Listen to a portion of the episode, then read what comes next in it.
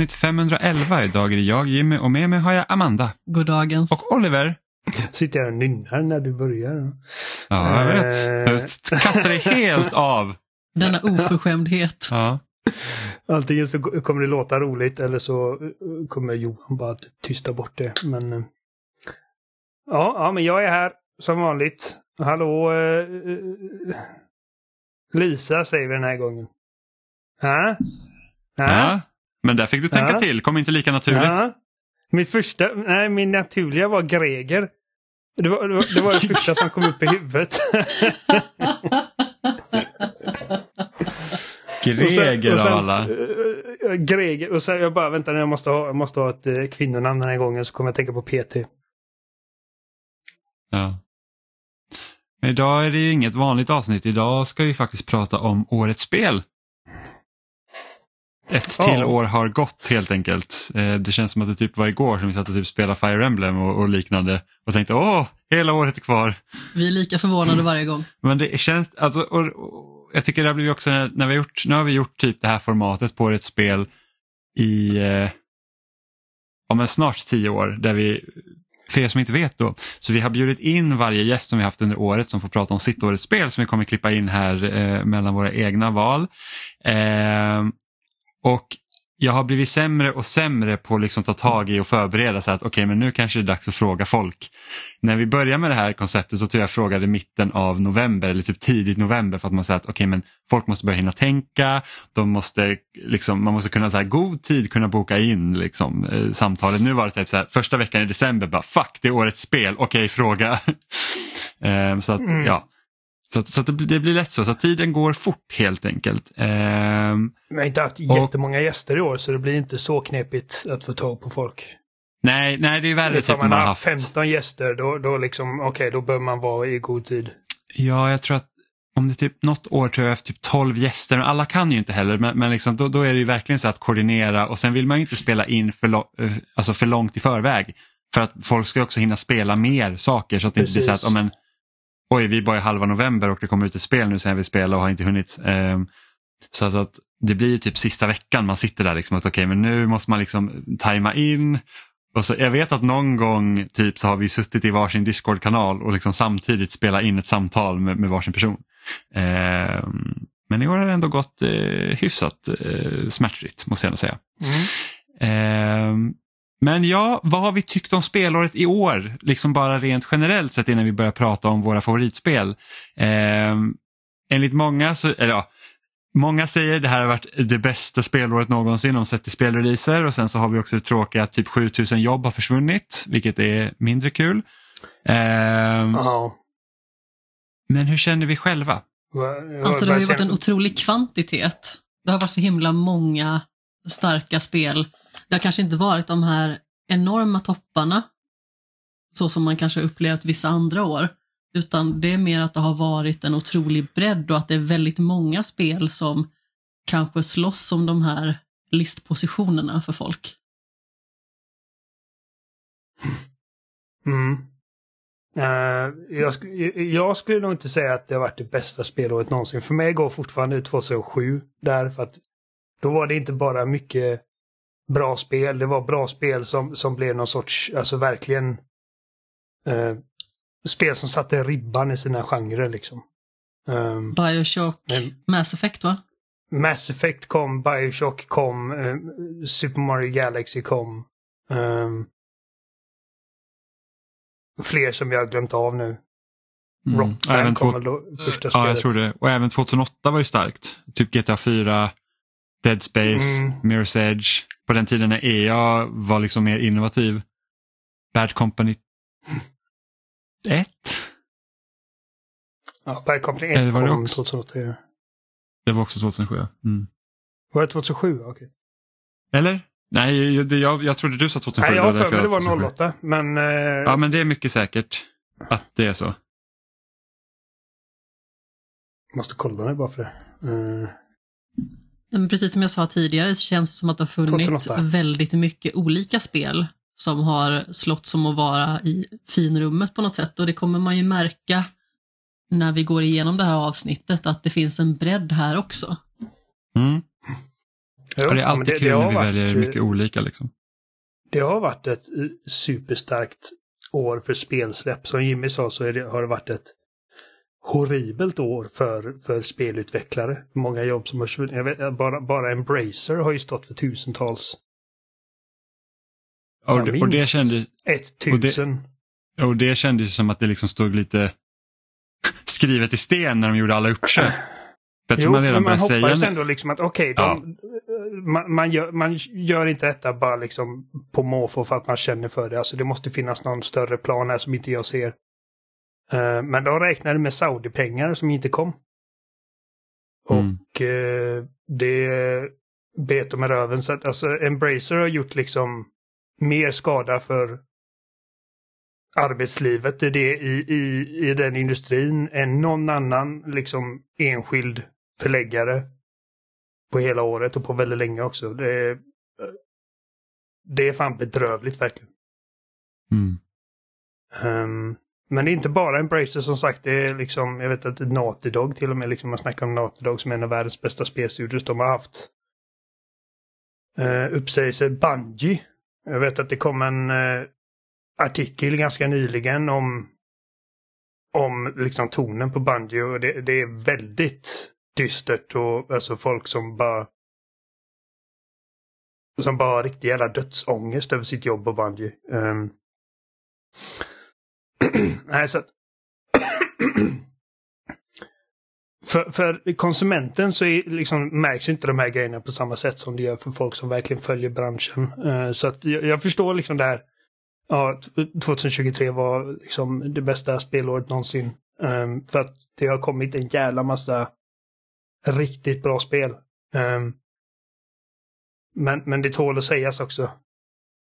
Att uh, de, liksom, de människorna som gör de här grejerna som, som, som tillåter oss att ha våran hobby.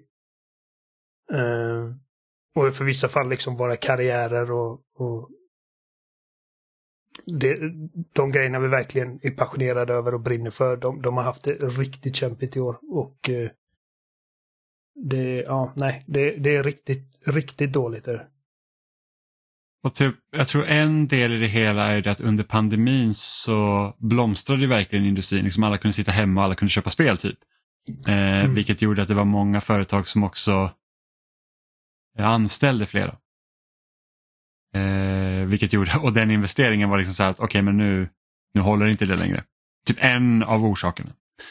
Eh, mm. Ja, det, är, alltså det är en kombination av massa olika faktorer. Mm, ja, precis. Alltså, massa olika faktorer. Exakt så är det ju. Eh, men det är jättetråkigt. Eh, och sen är det alltid lika tråkigt att veta så här, typ aktieutdelning och, och, vinster som går ut och så bara, ah, det tricklar liksom inte riktigt neråt i organisationen. Eh, vilket också är tråkigt. Ja, det var, det var någon som skrev en jävligt bra tweet som jag inte eh, kommer ihåg vad han hette. Jo, här jag hittade på, på Twitter. Det heter fortfarande Twitter för mig. Uh, Jordan Midler som är på VGC tror jag. Han skrev att uh, The damage Embracer Group has done to people's lives and livelihoods is absolutely scandalous. No one with money will face any consequences but hundred will wonder how to pay rent. Cowards. Ja. Hundred, jag menar alltså detta var ju då i november. Det har blivit mer sedan dess. Ja, och det är ju det är riktigt, riktigt tråkigt. Ja, men det är liksom bara oansvarigt eh, från toppen liksom. Ja, framförallt de som får ta största smällen är ju oftast de som kanske inte har så himla mycket att lägga bakom heller. Nej. Nej, och alltid innan jul också. Det är ofta det blir sådana här äh, liksom, layoffs vid jul. Till råga vilket på är, allt. Ja, vilket är så jävla pisstråkigt alltså. Ja, ja men det är alltså, jag, jag tänker också på specifikt för Bungie, de ligger, ligger inte de i Seattle? Um, eh, jo. Jag vet att de är i Washington State i alla fall. Uh, och jag menar, det, det är en sån studie. Folk, liksom, folk flyttar för att komma och jobba på Bungie för att de vill jobba på Bungie eller på Destiny. Uh, Liksom, så det kan vara folk som har liksom flyttat från andra sidan landet eller från andra, andra länder. Och nu står där och bara vad fan nu då? Ja, det... Och, och, det är ju typ ett av svårigheterna egentligen med att ha ett live service-spel som håller på så länge. Att hur liksom hur lyckas man få det att vara inkomstbringande samtidigt som man liksom hela tiden måste utveckla nytt till det? Alltså även Epic har haft problem med Fortnite. Mm. Och då tänker man liksom att Fortnite borde vara världens kassako men även där är det liksom, alltså det krävs oändligt mycket resurser till att fixa liksom nu vet inte jag hur långa deras säsonger är men liksom nya battle pass och sånt och det är säkert två månader men det är liksom skins och grejer och göra om banorna och, och, och, och skit. Um, så att det, det, är inte lätt. Och liksom, hur, och liksom hur ska man har man råd att liksom lägga alla sina ägg i en korg?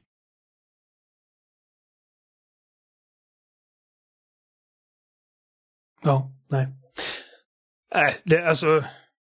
Finns inte så mycket att säga annat än bara att det är, liksom, det är bedrövligt och att man givetvis hoppas att alla de här människorna landar någon annanstans. Eh, men, men en annan grej jag tänker på är också hur många av dem som bara, jag, jag är färdig med spelindustrin nu. För att det liksom, många som jobbar inom eh, spel, alltså liksom väldigt smarta, talangfulla, tekniskt lagda människor. De har skillset som, som funkar i princip vad som helst. Och, och förmodligen kan hamna på ställen där de får betydligt mer betalt än vad de får på, på en spelstudio. Så hur många av dem kommer liksom industrin förlora? Hur mycket talang kommer industrin förlora på grund av sådana här grejer? Ja, och det har ju varit ett genomgående problem länge också det här med att man bränner ut sina utvecklare. Um, och det är att det saknar det saknas mycket liksom seniora personer i spelindustrin. För att mm. man liksom, för att folk bränner ut sig, byter, byter bransch. Eh, och det också gör det här med att man har kanske folk som sitter i liksom ledarpositioner som inte kanske borde vara där för de egentligen inte har tillräckligt med erfarenhet. Och det är då det blir ja. kanske crunch och, och, och sådana saker. Så det, är det liksom... har man sett en del av.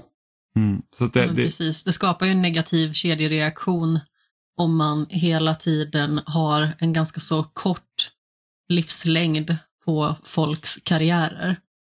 Mm. Att då finns det liksom inte lika mycket stabilitet i tillvaron att vända sig till. Visst, det kan finnas väldigt många unga talangfulla personer också, men man behöver ju erfarenheten också. Man behöver kombinationen av de båda någonstans.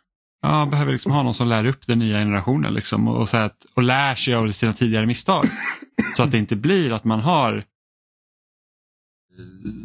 samma arbetsbörda. Liksom, att man har gått igenom det en gång. Man säger att okay, vi kan inte arbeta på det här sättet på grund av det här och det här. Precis, eh. och om man då har liksom en äldre person som kan lära yngre generationer av sina misstag så slipper de personerna kanske i sin tur göra lika omfattande misstag och då kanske deras livslängd i branschen blir längre. Mm. Och Då kan man ju se liksom typ ett företag som Nintendo där de är välbetalda och de crunchar inte. Och du har folk som har liksom arbetat där i typ 30-40 år. Mm. Alltså de som, de som var liksom lead på Super Mario Bros Wonder, de var liksom med och utvecklade, om det var Super Mario Bros 3. Och någon hade till och med varit där liksom från första Super Mario Bros. Så liksom, det är ju väldigt ovanligt eh, ja. på den här sidan, eh, liksom i många amerikanska studier. Så att det, det finns ju ett värde i att behålla. Ja, det är inte lika ofta man hör liksom från japanska sidan att oh, vi, vi fick kicka tusen pers. Nej, sen vet inte jag hur, hur, bra, liksom, hur bra man rapporterar heller från... Nej, det, så att det inte det, Jag har ingen aning men... om det funkar, jag bara gjorde den observationen. Liksom. Mm. Uh. Men det jag vet i alla fall att generellt sett så verkar liksom de som arbetar på Nintendo ha det relativt bra. Ehm, och det märks också på deras spel kan man väl säga, liksom att de är, de är bra.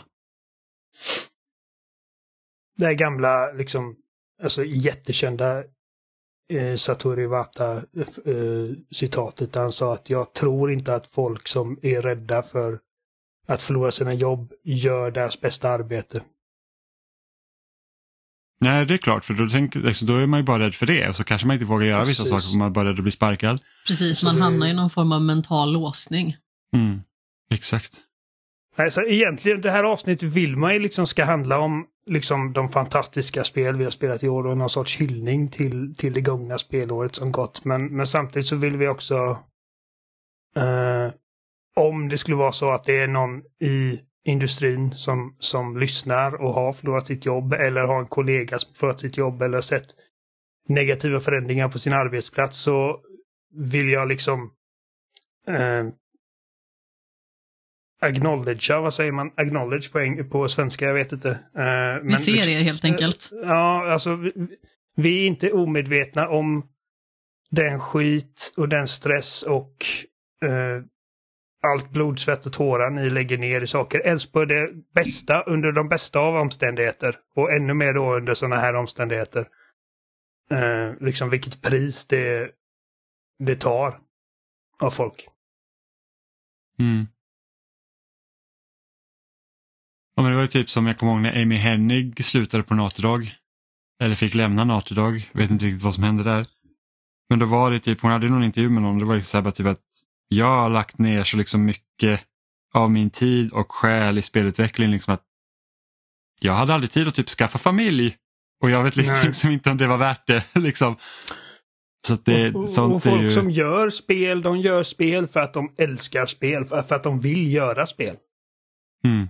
Liksom det, det, är ett passionsdrivet yrke, vilket också gör att det är så mycket, det är så lätt att verkligen för de på toppen att verkligen dra nytta av den passionen. Ja men precis. Jag och Jimmy håller på att se igenom Halt and Catch Fire just nu. Och det var ett avsnitt som jag kollade på och tänkte, gud vad man hade liksom velat ha ett sånt här arbetsklimat med liksom den känslan av att man vill lägga ner all sin själ och kraft i det här projektet. Samtidigt så är det väldigt tudelat för man vill ändå inte ha det så på något sätt. Att det ska ta upp hela ens liv. Att man inte har någonting annat i stort sett. Att man inte har friheten att lägga upp sin vardag mycket som man vill. Så det finns ju liksom någonting väldigt fint i att vara en del av ett stort projekt och att få vara kreativ med det och att se den framgången samtidigt som det finns många baksidor också.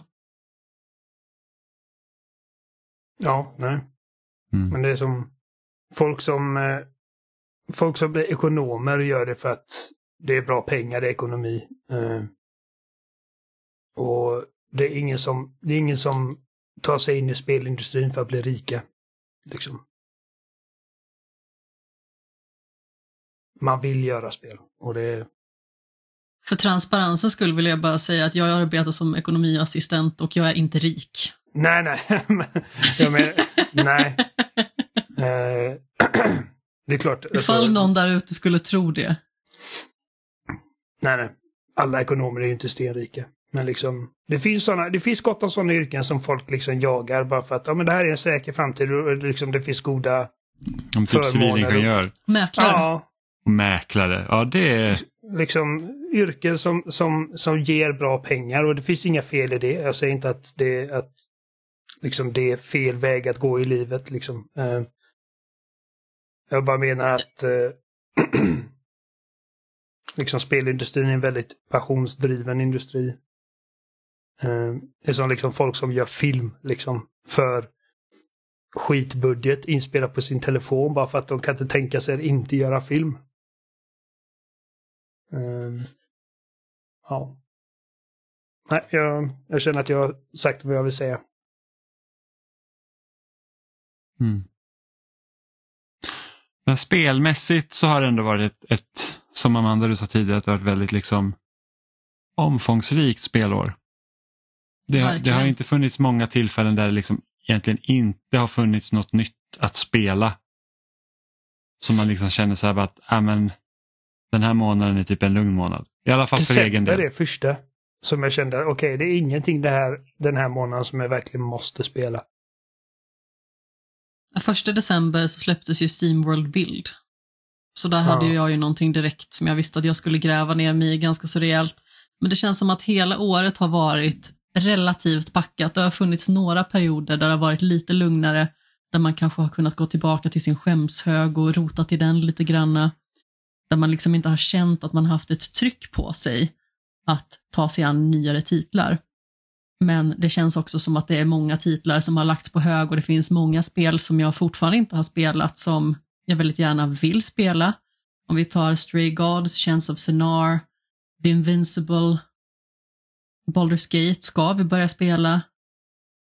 Det finns många spel att ta av som man inte ens har nosat på än.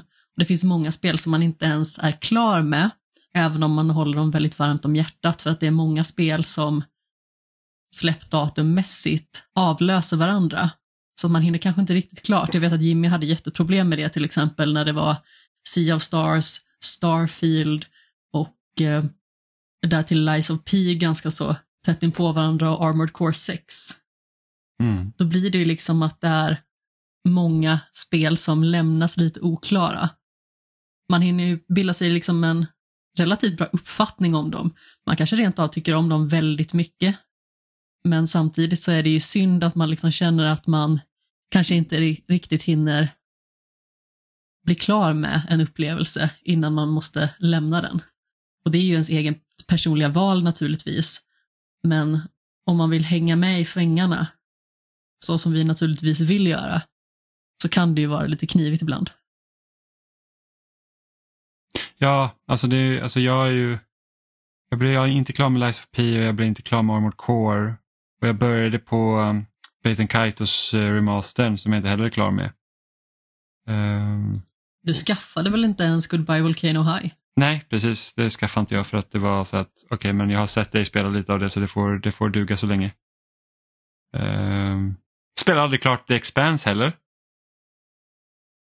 Nej inte, jag. Nej, inte jag heller. För det var liksom så här typ att ja, men det gick bra att spela så här ett avsnitt i veckan eller, var, eller varannan vecka det kom ett tag. Eh, jag tror jag spelade, jag kanske bara spelade två episoder till och med och sen så började alla spel komma och då var det så här att ja, men, ska jag sätta mig nu och spela typ en, två timmar av det här eller ska jag börja på ett nytt som jag vet är långt så jag måste liksom ta mig igenom. Så det, ja. det är det som är problematiken med episodbaserade spel. Att ofta så handlar ju spel mycket om vad som känns lustfyllt i stunden. Vad vill jag spela just nu? Oh, om det här spelet släppt... Vad sa du Oliver? Lustfyllt. ja, men om ett spel släpps varannan vecka där kommer en ny episod, då kanske man liksom inte känner att den här lustfyllda känslan finns kvar. Man kanske inte är sugen på det spelet just nu, man kanske är jätteinne i någonting annat och då åsidosätter man kanske den upplevelsen temporärt. Och då läggs de här episoderna på hög, precis som det gör med andra spelupplevelser. Men jag tror bara att hade The Expanse varit bättre, då hade det varit en annan femma.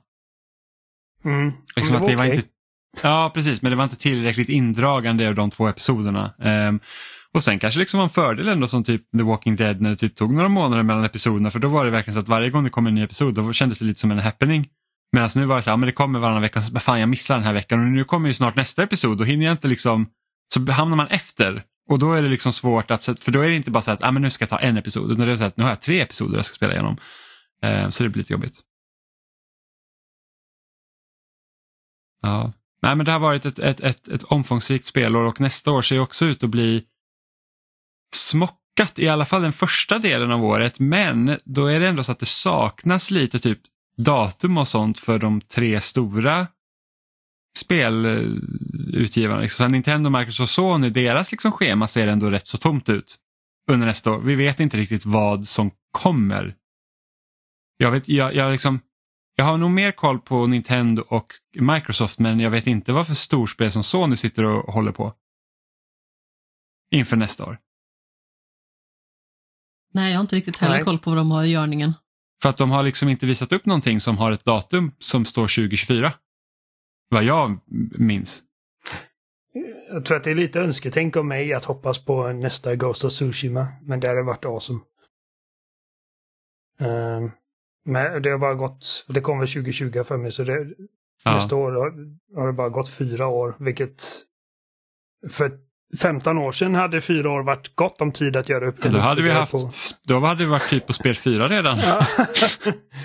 Men nu för tiden så, så är det jävligt svårt eh, att säga liksom exakt när någonting kommer. Eh, jag är rätt imponerad över hur snabbt Insomniac, eller vänta, det gick fem år från första. Alltså, ja, i och för sig, de hade ju Miles Morales 2020 så. Ja, och sen Ratchet Clank däremellan. Mm. Ja, ja men de, de spottar ju sitt spel. Men... Eh, uh. Och liksom, om, om det inte vore för att uh, Last of Us Factions har lagts ner så hade jag liksom sagt att det, det kan nog vara deras stora liksom Sony-spel, Last of Us Online eller vad det skulle kallas. Um, ja, om utvecklingen hade gått bra. Precis, om, om, vi inte fick jag... reda på sex månader sen liksom att de har stött på problem. Ja, och, och sen liksom nu... nu är det nedlagt så att då, hade de inte lagt ner det nu till exempel så tror jag inte att det hade varit för nästa år. Det hade säkert varit ännu längre fram. Men de arbetar ju på två single play-spel. Ja, och de lär vi inte se röken av på ett tag. Mm, nej, och jag misstänker mm. att det är Last of Us 3. Ja, men det, det känns nästan... Om, om de hade sagt att vi håller på att göra ett single play-spel, då hade jag tänkt okej, okay, då, då är jag osäker på om de hoppar direkt på Last, äh, Last of Us 3. Uh, men nu, nu, nu har de bekräftat att de gör två. Och det känns givet att ett av dem är Last of Us. Alltså Last of Us är eh, ännu större och mer relevant än vad det har någonsin varit nu med tv-serien. Att den var så framgångsrik och drog in en helt ny publik. Mm. så varumärket undrar... är jättestarkt och jag kan inte tänka mig att de inte kommer göra eh, Last of Us 3. Jag undrar om det sätter lite press på dem också så att okej okay, men tv-serien, andra spelet ska delas upp på två säsonger. Är ja. det sagt? Men så vet vi inte hur, hur verkligheten ser ut och då är det så att okej okay, men då ska vi se nästa säsong av Last of Us kommer 2025. Och sen kanske man tänker att nästa säsong efter det kanske redan kommer året därpå då. Och då är vi på 2026 och då kan det vara dags liksom för att när kommer ett Last of Us 3 då? Eh, eller så, ja, så är det helt sonika 2026 kan jag tänka mig att, för att då har det gått sex år sedan Last of Us 2. Ja, men det kan ju ändå hända typ att när väl tv-serien är i kapp eh, spelen så kanske de gör typ en sån här mellansäsong där, där, det liksom, där man egentligen inte följer Ellie utan man följer någon annan. Ja. Typ, jag vet att när eh, Spartacus tv-serien kom så fick ju han, han som spelade huvudpersonen, han fick ju cancer. Så de mm. kunde liksom inte spela in nästa säsong med honom så då gjorde de typ en mellansäsong som var nästan som en prequel-serie. Eh, innan, ja, sen, sen dog ju han såklart vilket var sorgligt så då fick någon annan ta över. Men, men så då var det liksom så att du hade säsong ett och sen så kom det en, en, en prequel-säsong som var så Gods of the Arena eller någonting sånt och sen så kom nästa säsong. Um, så att, ja, jag vet inte. Men jag har svårt att tro att de skulle göra så med The Last of Us.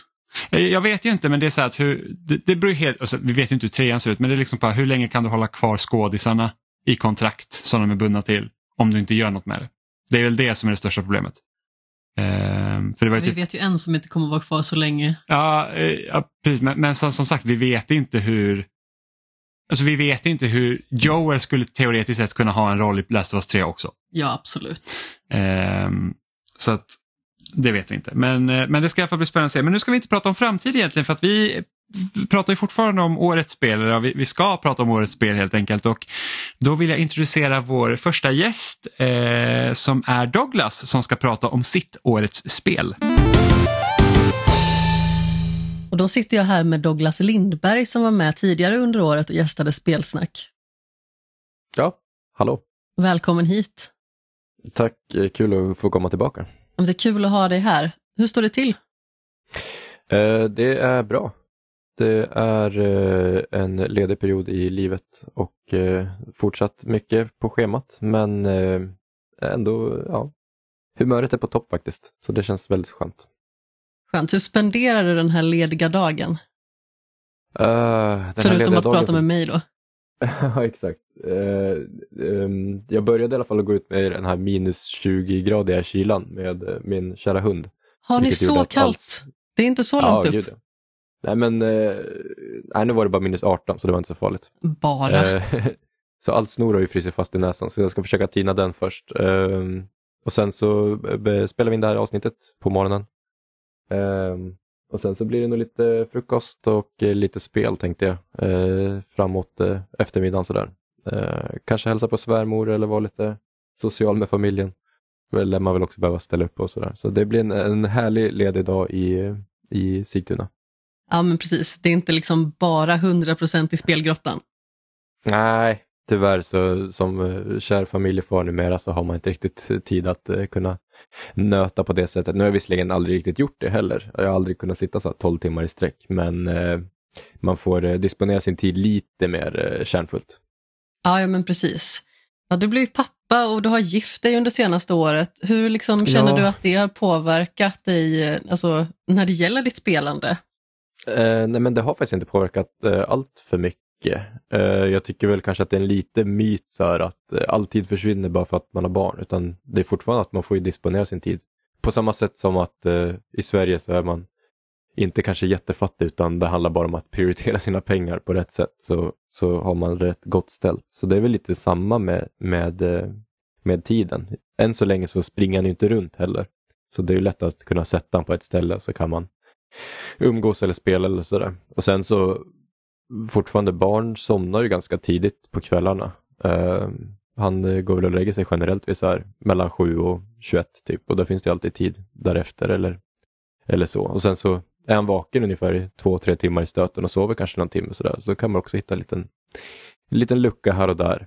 Uh, så så länge man inte har allt för stökigt och behöver städa hela huset så, så finns det faktiskt rätt så mycket tid för spel och uh, vi får väl hoppas att det håller i sig även om man det kommer bli lite mer fart på honom snart. Ja, men precis. Hur gammal är han nu? Uh, han är åtta och en halv månad ungefär. Så han har väl visat några tendenser på att vilja ställa sig upp och så. Uh, han kryper men bara baklänges så han är rätt lätthanterlig för stunden. det låter lite opraktiskt tycker jag. Ja, jo. Det är ingen risk att han liksom kryper ner för en trapp, men man brukar hitta den under stolar och sånt där. Så det är lite spännande. Konstant backar ut ur rummet. ja, faktiskt. Faktiskt. Men det är som sagt skönt att han kan sitta åtminstone. Så man, kan, man behöver inte bära med sig någon stol. Så det är bara att sätta honom på golvet så sitter han kvar. Skönt. Ja. Hur har spelåret varit för dig i allmänhet? Liksom? Spelåret har varit eh, tufft tycker jag att hinna med. Eh, jag började dokumentera eh, spelen jag klarade av sådär under ett år sedan 2015, så jag närmar mig tio år. Men eh, jag har sedan dess har jag inte klarat så här få spel. Jag tror att det året spelade ut kanske 15 och i år har jag spelat ut 16 spel eller sånt där. Och jag brukar snitta på ungefär 23, 24, 25 avklarade spel i alla fall. Men jag tycker inte som sagt att jag spelar speciellt mycket mindre utan jag tror att, att det är så mycket med det faktumet att det känns som att alla spel som har släppts har varit väldigt stora upplevelser. Det är väl egentligen typ Resident Evil 4 och, ja nu spoilar jag ju lite, men mitt årets spel var ett av de här kortare spelen. Eh, annars har det ju varit de här enorma upplevelserna. Och det var det som var så skönt under eh, hösten också, till exempel när, eh, när Spiderman 2 kom. För det var som en så här rensande fläkt på något sätt. Eh, då det var som en upplevelse man faktiskt kunde bita av på inte allt för många timmar. Vilket annars har varit eh, ett, ett stort faktum med både liksom Baldur's Gate 3 men också Diablo 4, så enorma upplevelser som har varit hur bra som helst. Men det har ju också lett till att man kanske inte har hunnit spela klart så många spel som man har velat i år. Men man har ändå kunnat skapa sig en någorlunda god uppfattning över, över året sådär. Um, ehm, så min, min, min Gotilista är ungefär lika lång som vanligt. Det är bara att jag inte har, jag har inte hunnit spela ut um, alla spel som jag har påbörjat. Nej men precis, och det du säger med Spiderman, det upplevde jag också, men kanske lite mer i efterhand, för att det kändes ju ändå som ett väldigt stort spel. Det är en stor karta, det finns mycket att göra, det finns mm. mycket att se. Men sen så återvände jag till första Spiderman och körde remasterversionen, för att jag har bara kört det liksom i sitt original tidigare, men jag blev sugen på att pluppa runt ännu mer. Och gud vad mycket större det är. Och det finns liksom ganska så mycket mer att göra i varje distrikt med olika typ falangbrott och sådär. Och jag kände bara liksom att vilken fart man ändå hade igenom tvåan i relation mm. till ettan som jag förmodligen har spenderat betydligt mycket mer tid med. Ja, nej men verkligen. Och just det här med hastigheten på svingandet och, och wingsuiten och allt det där bidrog ju mycket till att eh, Spiderman 2 kändes betydligt mer kompakt, men det var också fokusera på ett annat sätt. Sådär. Så ja, jag tror att alla, nästan alla i, i svenska spelsfären har ju plockat Platinum i spelet. Så att eh, det, det tyder väl någonstans på att det har varit ett, ett lättillgängligt spel och nu ser man man ser verkligen fram emot nya DLCn till det för de känns som att de har en, en, en stark och bra grund eh, att stå på. Nu handlar det väldigt specifikt om Spiderman 2 men jag tyckte bara att det var en, en sån där upplevelse som stack ut på det sättet att det, det, det kändes som de här spelen från förra åren som var eh, lätthanterliga och sen så dök det upp typ ett Red Dead Redemption 2 liksom. Men nu så har det varit snarare tvärtom att alla de här coronaproduktionerna har sprungit ifatt fatt som har tagit år att utveckla eh, vilket har gjort till att, eller lett till att vi har haft eh, väldigt många stora upplevelser eh, under det här året. Eh, och så så det, blir, det blir spännande att se vilket, vilket håll vi tar nästa år om det är ännu fler sådana titlar. Jag tänker spontant på Final Fantasy. Eh, men utöver det så kanske det är ett, ett mer bite-sized eh, år nästa år. Vi, vi, vi får se. Det som var skönt med förra Final Fantasy 7, det var ju att den remaken var ju ändå väldigt strömlinjeformad, så man kunde ändå blåsa på i relativt trevlig takt utan att man liksom kände att man fastnade någonstans. Men ja, sen så har absolut. vi ju liksom sådana här stora upplevelser som Starfield som släpptes i år till exempel, som inte ens jag har gett mm. mig på. Jag gav mig inte på Final Fantasy 16, även att det också är ganska så strömlinjeformat. Zelda ska vi inte börja nej. prata om, jag spelade typ en kvart och sen så kände jag att nej, jag ångrar mig. Mm. Så jag förstår lite ja, vad nej, du pratar om, det har liksom ja. varit väldigt mycket storspelsfokus under året. Och ändå kan jag känna ja, att det har funnits och... väldigt många små titlar som har lyst superstarkt. Ja, nej men faktiskt. Och just de här stora titlarna har ju ofta varit lite som du är inne på, att de har varit ofokuserade på ett sätt i att det handlar om att du gör din egen upplevelse.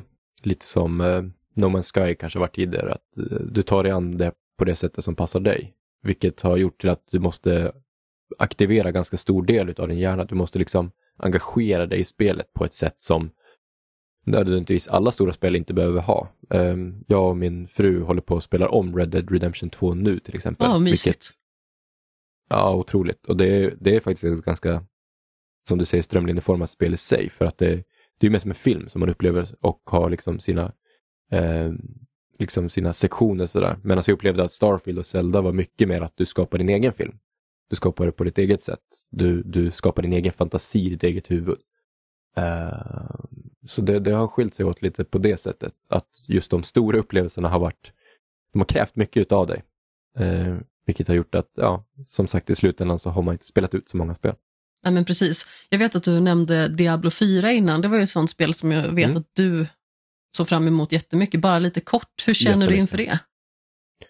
Uh, ja, jag är jättenöjd med upplevelsen. Uh, det enda problemet var att när det kom så kom det massa andra spel, vilket gjorde att jag föll ifrån det. Uh, så jag har faktiskt behövt vänta tills nu, november, december, liksom, för att kunna dyka in i det ordentligt igen. Ah. Eh, så nu är, det, nu är det en del av min, i min rotation. Eh, det enda kruxet är att det är ganska svårt att pausa. Så när jag är ensam med Nils eller under dagar och sånt där, så spelar jag inte särskilt mycket Diablo för att Eh, det är svårt att bara pausa i världen. Visst, det går att hoppa ut och sånt där, men jag vill gärna göra klart en sak och sen återvända till en stad för att sen kunna logga ut. Så det här är ett spel som jag sitter och spelar uppe eh, sent på, på kvällarna framförallt med mig själv. Eh, och har, ja, börjat om från början med en Rogue, eh, vilket var ett, ett bra val. Eh, så nu, nu njuter jag verkligen av min, eh, min tid med spelet. Ja, men vad härligt. Uh, ja. ja. det är precis som du säger ett väldigt svårt spel att pausa just på grund av att helt plötsligt har man öppnat en dörr och så är det 20 jäkla ghouls där inne och sen så mm. måste man antingen typ springa av sig dem eller försöka döda alla. Jag vet inte hur många gånger mm. jag liksom har sprungit till Jimmy när vi har råkat skiljas åt med typ ett släptåg av ghouls. Slår mm. aldrig fel. Det är lätt hänt. Lätt hänt. Sådär. Så nej, det, det, har varit, det är ett av de spelen som är väldigt skönt att ha som lite palettrenser, att inte behöva engagera så mycket hjärna i. Jag tycker det är otroligt välskrivet, eh, vilket har varit en positiv upplevelse. Eh, jag spelar ju inte för säsongerna och att bli bättre och starkare och sådär, utan framförallt för att upptäcka världen och eh, all, all misery som har drabbat den. Jag tycker det är en väldigt mysig upplevelse och det finns mycket bra sidoberättelser och, och sådär. Så att bara springa runt och, och den otroliga grafiken också bidrar till en, till en stämning som gör mig lugn och avslappnad innan jag går och lägger mig i sängen. Det, ja, det är ett väldigt bra spel tycker jag. Vad härligt. Men då tänker jag att vi ska komma fram till den lilla huvudrätten för den här lilla podcastsnutten. Och då vill jag veta, vilket blev årets spel 2023? Ja, det har varit lite oväntat för mig faktiskt, för det här var ett spel som kom väldigt tidigt under året. Um, det kom ju mycket bra titlar senare mot hösten och sådär och jag tänker framför allt då som jag tidigare nämnde på Baldur's Gate 3 som var där uppe länge. Där känner jag att jag inte har spenderat riktigt tillräckligt mycket tid men ändå på min topp 5 i slutändan. Sen spel som Jedi Survivor är lätt att glömma bort eh, som var ett väldigt kompetent spel även det. Eh, led lite utav sin pres prestanda sådär tyckte jag i slutändan. Uh, men även Cocoon uh, kom ju från, från ingenstans och, och svepte brallarna av en. Sen så kom uh, Super Mario Brothers Wonder och fick tidigt känslan av att det här är väldigt, väldigt kompetent. ett kompetent spel som jag tror kommer leta sig upp långt på min lista, vilket också har gjort i slutändan. Men faktiskt så petar det inte bort min, uh, in, inte enda 10 av 10, men en av mina 10 av 10 upplevelser det här året. I alla fall 9,5 av 10. Så i slutändan så landar mitt Goti 2023 på Hi-Fi Rush. Spännande. Ja. Det var en titel som fick väldigt mycket uppmärksamhet när den kom, men jag tror att för många så har den nog försvunnit lite grann ur medvetandet. Vad var det som gjorde att ja. det liksom fastnade för dig? Alltså, jag är besviken på att det har försvunnit helt ur dialogen överhuvudtaget. Jag trodde ändå någonstans att det skulle få lite mer uppbackning nu på, på Game Awards och sådär. Uh, anledningen till att jag tycker att det här är så pass bra är dels för att det har en väldigt bra längd, eh, hela spelet. Men också framförallt för att eh, ehm, spelets karaktärer är det jag minns. Nu var det ett tag sedan jag spelade, det var ju liksom i februari-mars det kom ut. Um, och jag har inte återvänt till det sedan dess. Men jag minns det som ett otroligt varmt minne av som sagt spelets karaktärer, eh, alla dialoger man har mellan varandra. Eh, jag tycker att presentationen är unik. Det finns nog inget spel jag spelar som ser ut som det gör, som låter som det gör. Eh, som spelas som det spelas med en otroligt tight kontroll. Alltså det finns inte ett knapptryck som man kan skylla på någon annan för.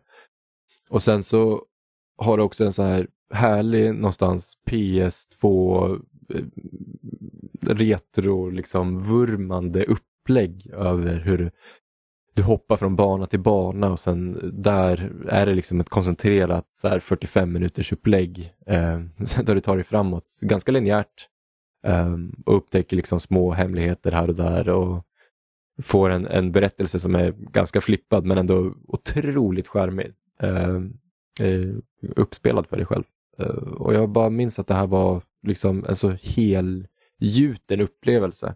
Eh, alla andra spel som jag har på min topp 10 har ändå någon så här liten brist som gör att det faller, inte jättelångt, men ändå att man, man, man kommer ihåg det för det. Och jag minns liksom inte att det finns någon så här större brist med just Hi-Fi Rush. Um, det är ganska svårt och utmanande, men jag tyckte ändå att det bidrog till helhetsintrycket på ett sätt som gjorde att det fanns mer att ta av. Um, och utöver det så ja, fast det är mycket man kunde upptäcka som sagt och ta tillbaka till det här lägret som man någonstans samlas kring, den lilla lägerelden i den lilla lokalen i spelet sådär som gav allting en värme.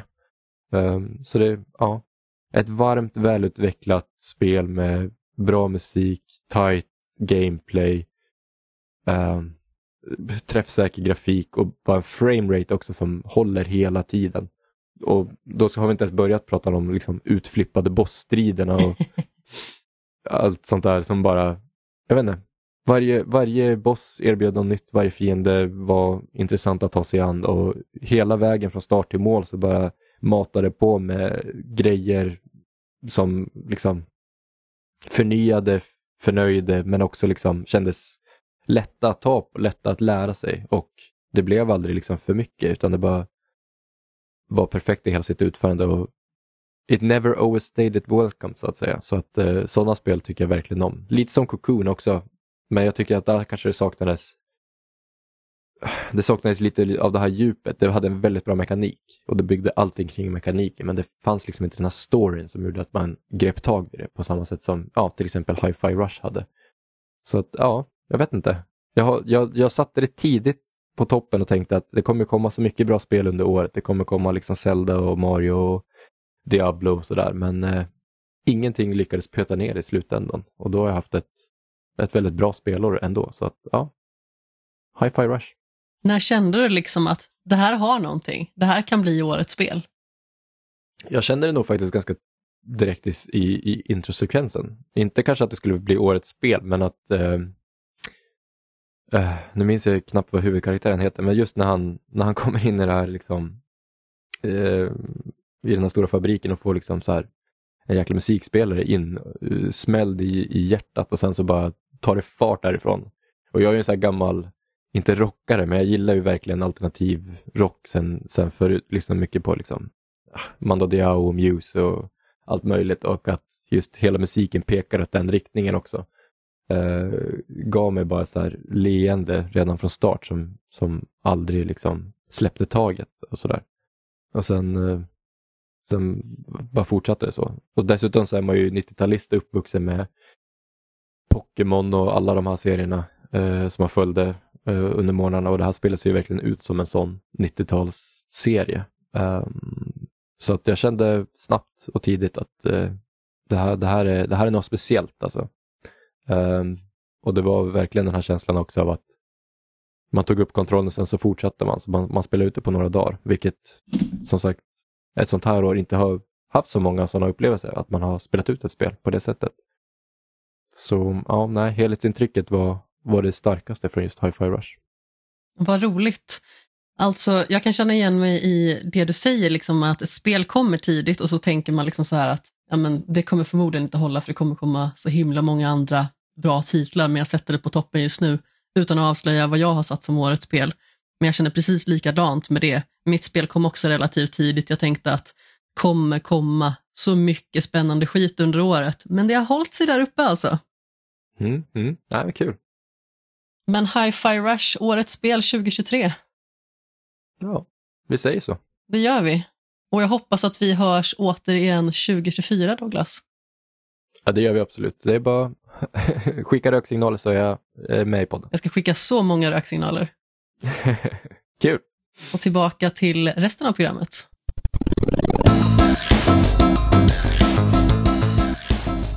Och då är vi tillbaka. Tack Douglas för eh, att du berättade om ditt årets spel och då har turen kommit till dig Oliver. Nej, jag, jag är så först vi... av oss. Du är först av oss ja. Eh, så vilket spel tycker du har varit bäst i år? Uh... Alltså ja, det, det, har varit ovanligt svårt i år känner jag. Uh, för att inget enskilt spel lyckas fånga liksom typ alla aspekter av vad jag tycker är och vad, som, vad jag dras till um, med, med ett spel. Men, men, i slutändan så tror jag att det som jag är liksom mest imponerad över är Alan Wake 2. Och, uh, det finska undret. Det finska undret. Uh, det är alltså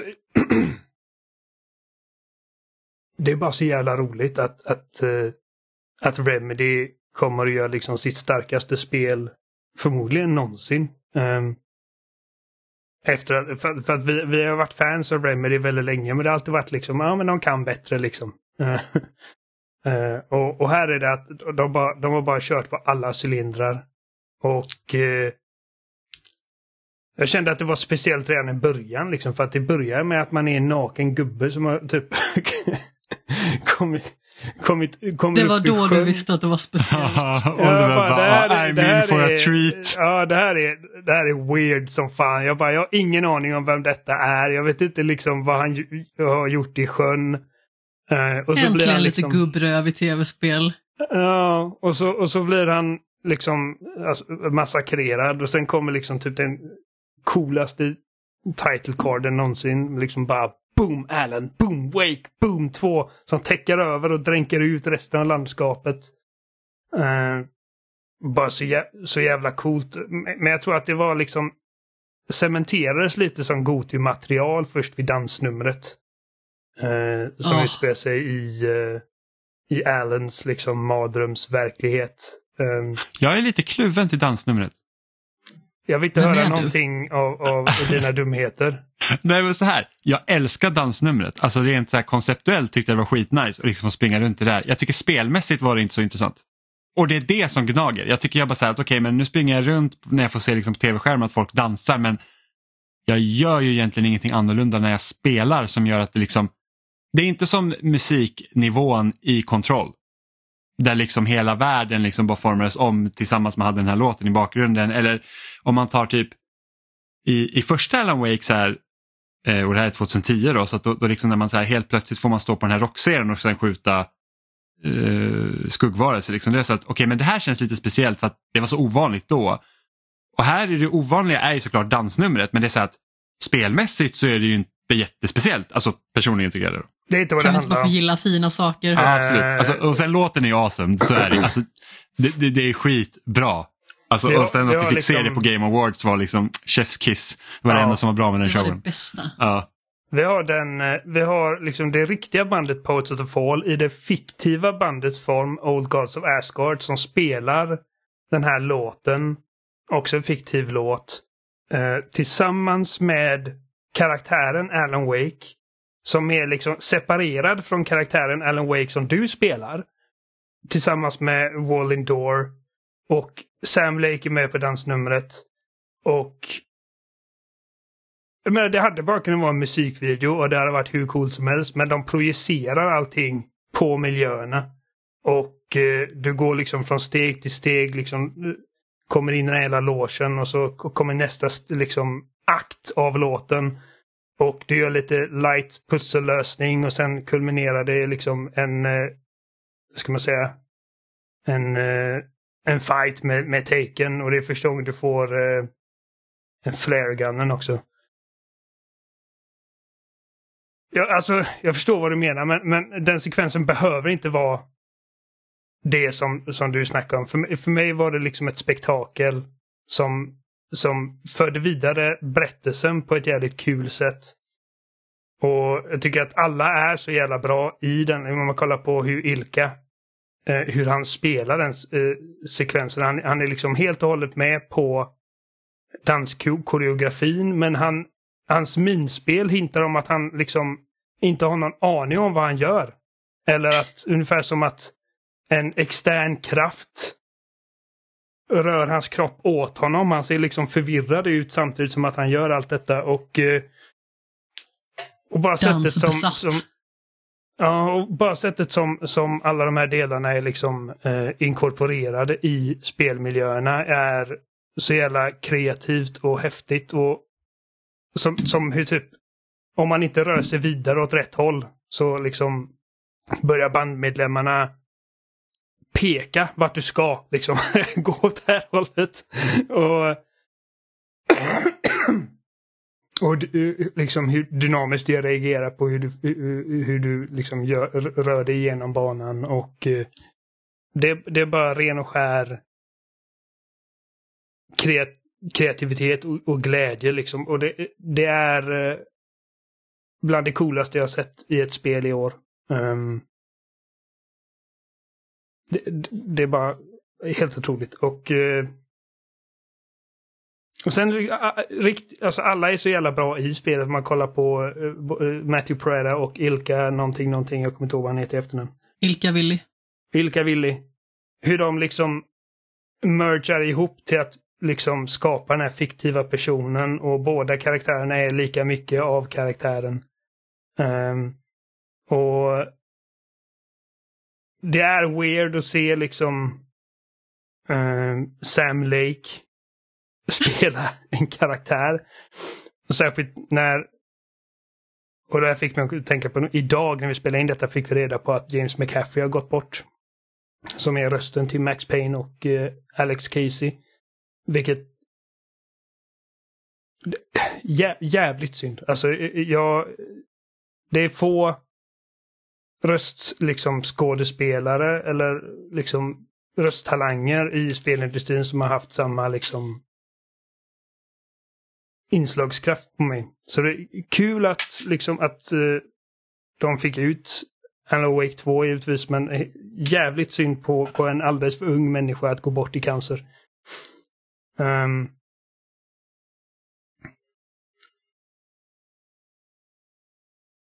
jag, menar, jag, jag, jag tror att Alan Wake 2, av alla spel i år, så är nog Alan Wake 2 det spel som jag hade visat någon som älskar konst och media men inte riktigt är bekant med spel. Jag tror att liksom ifall, ifall, ifall min mamma hade liksom sett mig spela Alan Wake så hade hon haft svårt att slita bort blicken. Uh, det är bara liksom, eh, jag har sagt det flera gånger på liksom att de, de gifter liksom alla typer av konst du kan tänka dig i ett paket och det fungerar.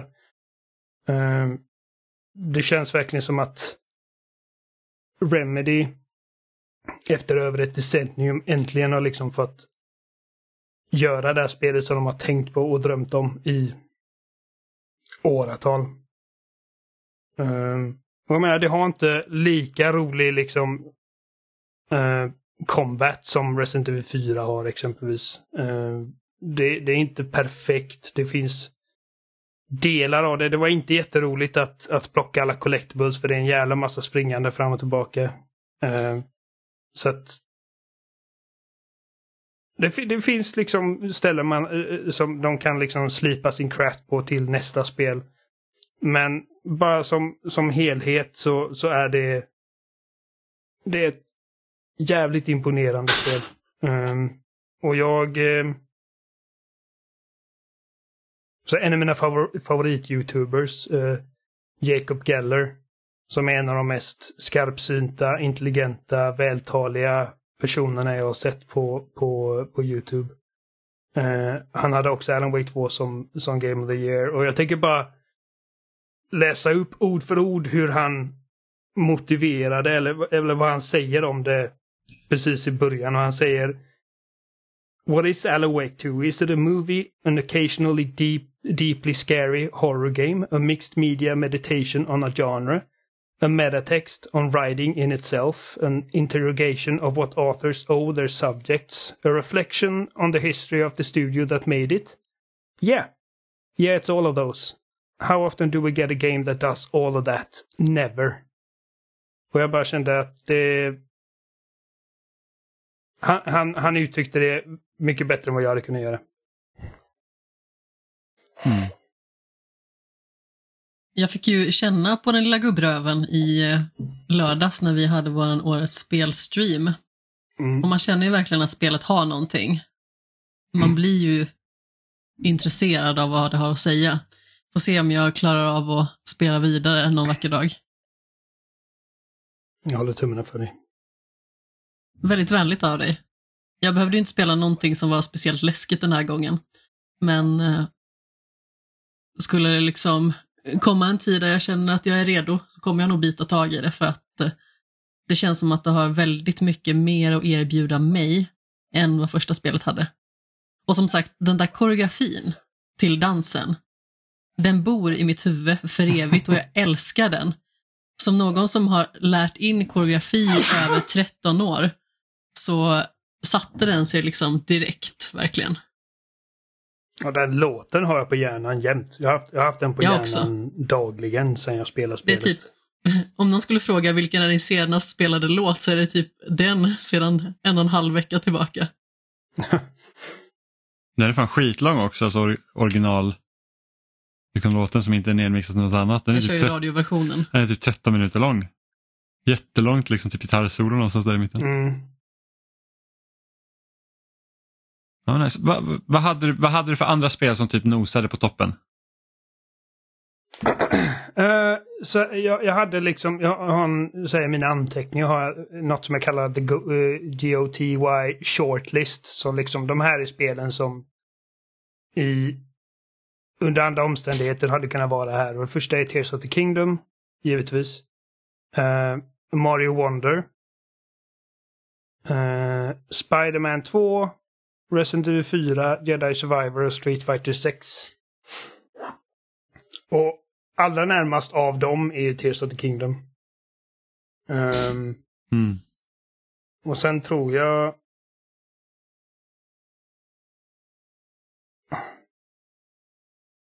Street Fighter 6, alltså det, det... Det är ett sånt spel att när jag inte spelar det så tänker jag inte så mycket på det, men när jag väl spelar det så är det liksom, bara fan vad bra det här är. Det här, det här är, det här, det här, det här är sjukt. Så, ja, det är riktigt bra. ja. Nej, men jag känner liksom Tears of the Kingdom var det som kändes givet när jag spelade liksom när, när det var typ i maj eller vad det var det släpptes. Uh, ja. Men, eh, och, och jag, liksom, medan jag hade roligare med det och jag hade definitivt roligare med typ Spiderman 2 än vi hade med Alan Wake 2. Men Alan Wake 2 bara känns fräscht och eh, bara liksom provokativt på ett sätt som de spelen inte gjorde som var liksom okej okay, här är liksom nästa steg av vad du redan känner till. Um, liksom, bara sett det liksom, bara ren så här spelglädje för liksom minut till minut så hade Spiderman 2 vunnit. Men jag har liksom typ andra issues med den storyn och de karaktärerna och eh, det det greppar mig inte riktigt lika hårt som Alan Wake gjorde. Och det, är ganska liksom väldigt förutsägbart och eh, ska man säga by the book formulaic spel sett till sin storystruktur. Medan Alan Wake är liksom ja. bara gud. Alltså jag bara tänker på, på så här, Remedy-kontoret och deras whiteboards. liksom med alla karaktärer och alla, och alla liksom all lore bakom liksom the dark place och, och hur de har fått ihop liksom bara bara dansnummersekvensen blir jag liksom, alltså jag blir typ snurrig när jag tänker på liksom bara från liksom en, en, en, producent eller en regissörs roll, liksom att, att tänka ut hur allt det där ska komma ihop i slutändan. Liksom långt innan det ens finns musik för det. Hur många års förbrukningar av rött garn har det gått åt på Remedy? Ja, men precis, precis. All, alla de här, ja, alla post-its de har kopplat ihop. Yes, men eh, tack Oliver. Mm. Eh, och då har vi nästa gäst på listan som är David som ska berätta om sitt årets spel. Nu sitter jag här med David som har gästat under året och David, nu är det din tur. Vilket spel har varit bäst i år för dig? I år råder det inga tvivel om att det är Marvel Spiderman 2 som är Jaså. årets bästa spel. Hur kommer det sig? Eh, lite har det väl att göra med att jag eh, jag har ju, till, till, skillnad från väldigt många andra så har jag inte haft supermånga spel i år som jag från start har varit eh, sugen att spela. Eller som eh, jag, inför i år så kollade jag liksom på eh, releaserna och bara, ja, men det är inte så många. Det är väl en fem, sex spel typ som har sett intressanta ut på förhand och sen eh, har det visat sig att det har varit några fler ändå. Eh, men eh, jag har jobbat väldigt mycket backlog i år och inte hunnit spela alla spel ändå som jag hade velat i år. Så det är lite eh, att jag, jag har ju fått russinplocka väldigt mycket. Men eh, där har mm. ju ändå eh, Spiderman fått eh, ställa sig mot, ja det, jag vet, det kanske man inte räknar, men eh, Burning Shores. Mm. Det är mm. inte ett eget spel, men eh, förbannat bra DLC eller expansion eller vad man ska kalla det. Eh, och sen har vi Planet of Lana också. Eh, och sen ett, ett som höll eh, årets eh, bästa spel väldigt, väldigt länge för mig i år, det var Storyteller. Jaha, det känner jag inte ens igen. Vad, vad, är, vad är det? Det är en, det är en liten indie-kreation. Jag tror det är en, en enda snubbe som har gjort det. Det är lite tecknad eh, historia med du, du har som små serierutor framför dig och ska sätta ihop en berättelse utifrån. Du får en titel eller du får liksom en, en premiss. En beskrivning av så här ska berättelsen utspela sig. Typ eh, eh, vad säger man, o olycklig kärlek eller något sånt där står det längst mm. upp. Och sen ska, får du olika komponenter du ska fylla i med. Du får eh, en karaktär, en man och en kvinna kanske. Eh, och så får du ytterligare en kvinna. Och så kan du sätta ihop dem i olika sekvenser i de här serierutorna för att eh, man och kvinna nummer ett blir kära först. Och sen eh, en ruta där något annat händer och sen slutar det hela med att man blir kär i kvinna två istället. Okay, eller eller någon... att kvinna ett blir kär i kvinna två kan det också vara. Så att man, man ska liksom få det här, eh, den här beskrivningen att slå in.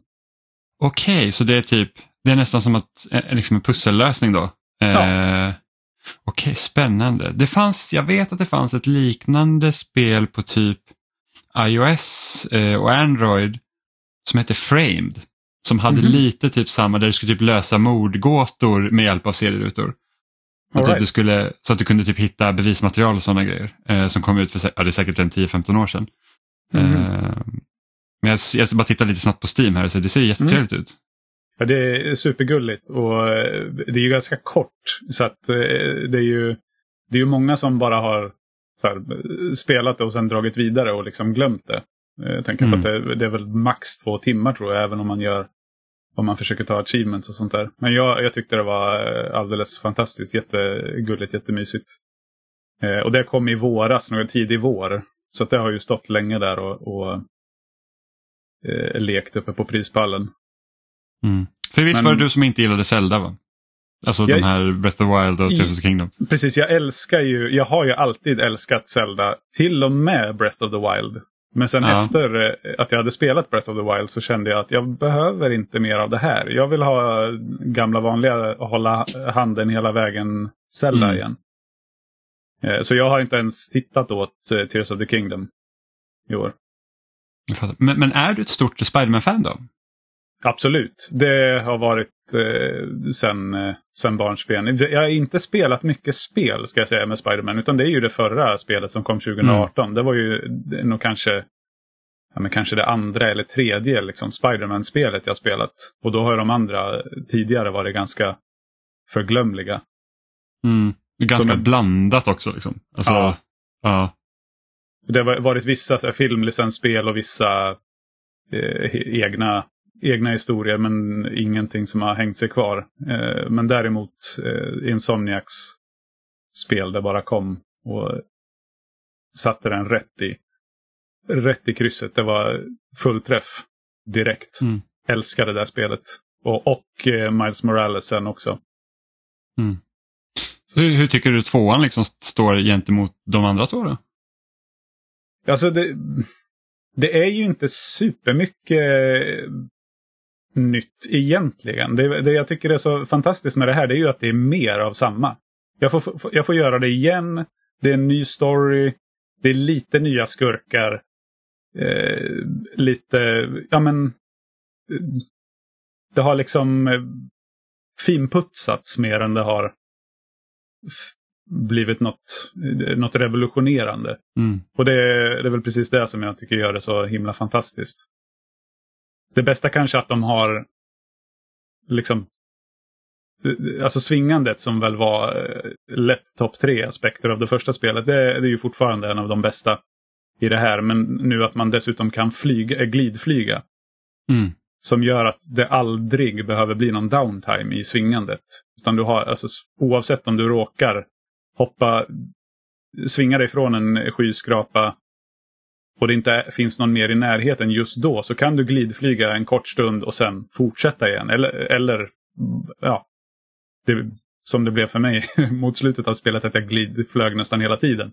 Mm. Men det, det, var ju lik förbannat. Eh, ja men nästan till lika kul, om inte bättre. Så att jag... Ja, det, där, det var ett fantastiskt designval tycker jag. Eller liksom spel, speldesignmässigt val som de tog. Ja, och jag vet att många var lite oroliga för typ så att ja, om vi har den här glidflygardräkten så kanske det liksom kommer det ta ifrån svingandet, men de kompletterar ju varandra så himla bra. Mm. Han, Just att det var så sömlöst att gå emellan. Det var liksom så att ja, men snabbt bara glida och sen kan man svinga sig för att sen börja glida igen. Nej, det var verkligen chefskiss på den. Mm. Och sen gick det så fort också. Alltså svinga sig, alltså hastigheten i rörelserna var ju betydligt större också på grund av att Playstation 5 klarar av att rita upp världen mycket snabbare. Så det gör det ju också liksom att Alltså jag tror jag fast travelade bara någon gång i slutet men annars gick det så fort att ta sig överallt. Även Mm. fast liksom kartan var större så det är verkligen fantastiskt. Mm. Ja, det var eh, precis som, även fast eh, fast travel-funktionen nu är mycket... Alltså nu, nu är det ju precis som att bara ja, man peka på kartan, där vill jag vara och så är man där i princip. Eh, så det är ju inte alls lika kul att göra det. Nej. Precis som i första spelet, det är inte så, så man vill ta sig vidare. Man vill ju ha de här eh, stunderna som är nästan lite eh, terapeutiska när man bara får svinga sig fram och upptäcka nya grejer. Alltså det, är ju, det är ju roligt att bara se lite hur New, alltså den här versionen av New York ser ut Mm. också. Jag passade Ja, på att sätta mig, eh, liksom, jag har varit i New York en gång väldigt kort. Eh, Att man passar på att liksom besöka några av dem. Så, ja men där har jag varit, just det, där är den där rondellen. Och, eller, och typ här tror jag vi bodde på hotellet och lite sådana grejer. Det var eh, halva, halva nöjet att bara hoppa omkring och utforska. Mm. Ja, verkligen. Ehm, men vad, du som har spelat mycket backlog-spel då Mm. i år då. Vilket, bästa, vilket är det bästa backlog-spelet du har spelat? Oj jäklar, nu, eh, nu måste vi ta fram eh, Listan. Ja men precis, jag har, jag har ju, det, det är ju lite av, ett nyårslöfte för mig eh, det här att eh, faktiskt ta tag i en massa skit som jag, som jag redan äger. Så att, Mm. och liksom, så att det inte bara blir liggande. Oj, eh, ja det är ju några, några tungviktare. Fasen var svårt. Eh, ja men det, det är kanske mest självklara. Det, det är väl det första egentligen som jag spelade färdigt i år. Från eh, backloggen. Det är Outer Wilds. Det har vi redan pratat Ah. om i den här podden också tror jag. Yes. Eh, Ja. Så det behöver inte säga så mycket mer om, om det än att jävla vilket spel. Helt Underbart. fantastiskt. Alltså Mm. helt blown away av det. Det var, eh, ja, det, det, det, var motigt att köra och liksom starta upp eller liksom eh, inlärningskurvan eller vad man ska kalla Ja. det. Den, den tog lite emot men eh, efter li, lite lätt googling och bara några så här, eh, i, vad ska man säga, lite, lite hjälp på traven i början då Ja. gick det som tåget sen. Ja, det tog lite tid att förstå liksom så att hur är strukturen på spelet för att jag liksom ska kunna ta mig vidare. Mm. Eller, liksom- eller känna att jag kommer någonstans. För att det är ju ganska mycket upp till en själv att liksom lösa de delarna. Ja, och sä- särskilt när man... Det finns ju en eh, sån här autopilotfunktion i eh, rymdfarkosten man har. Men in, innan man upptäcker den så är det ju ett jäkla härke att eh, ta sig fram dit man vill. Eller för, först och främst att man kommer till rätt ställe och sen att man lyckas landa där också. Ja, Så det är... Ja, det, det tar ett tag. Men sen när det sitter då är det en sån himla fröjd att bara få upptäcka den här lilla, det här lilla eh, solsystemet man är i. ja men verkligen. Jag tror det häftigaste jag gjorde det var liksom man ska sätta sig i orbit kring den stationen som åker runt solen. Och det är så himla stor eh, gravitation från solen så att när du väl lossar dig sen från rymdfarkosten för att kunna liksom ta dig ut så bara sugs man mot väggen. Liksom. Ja. Så det är mycket bra. Jag undrar om jag... Jag tror inte att jag gjorde det. I det Eller man är, man, jag tog mig ju till den här sta, eh, rymdstationen på något sätt. Men jag tror inte att jag lyckades flyga dit. Nej, det var svårt. Det var typ Ja. en av de sista grejerna jag gjorde. Ja, Eh, det var, jag tror att jag tog mig dit på, via någon sån här eh, teleporteringsstation. Eller, eller Mm. något annat. Men eh, nej, det, det lyckades jag aldrig med. Spelade du expansionen också? När du Ja. höll på samtidigt? Ja. Tyckte inte om den lika mycket. Men eh, den var fortfarande häftig. Men eh, den, var, den hade lite mer sådana här dumma eh, designbeslut som... Ja. Ja, men som mest gjorde det... Alltså, det sabbar lite tidsloopen mer än det...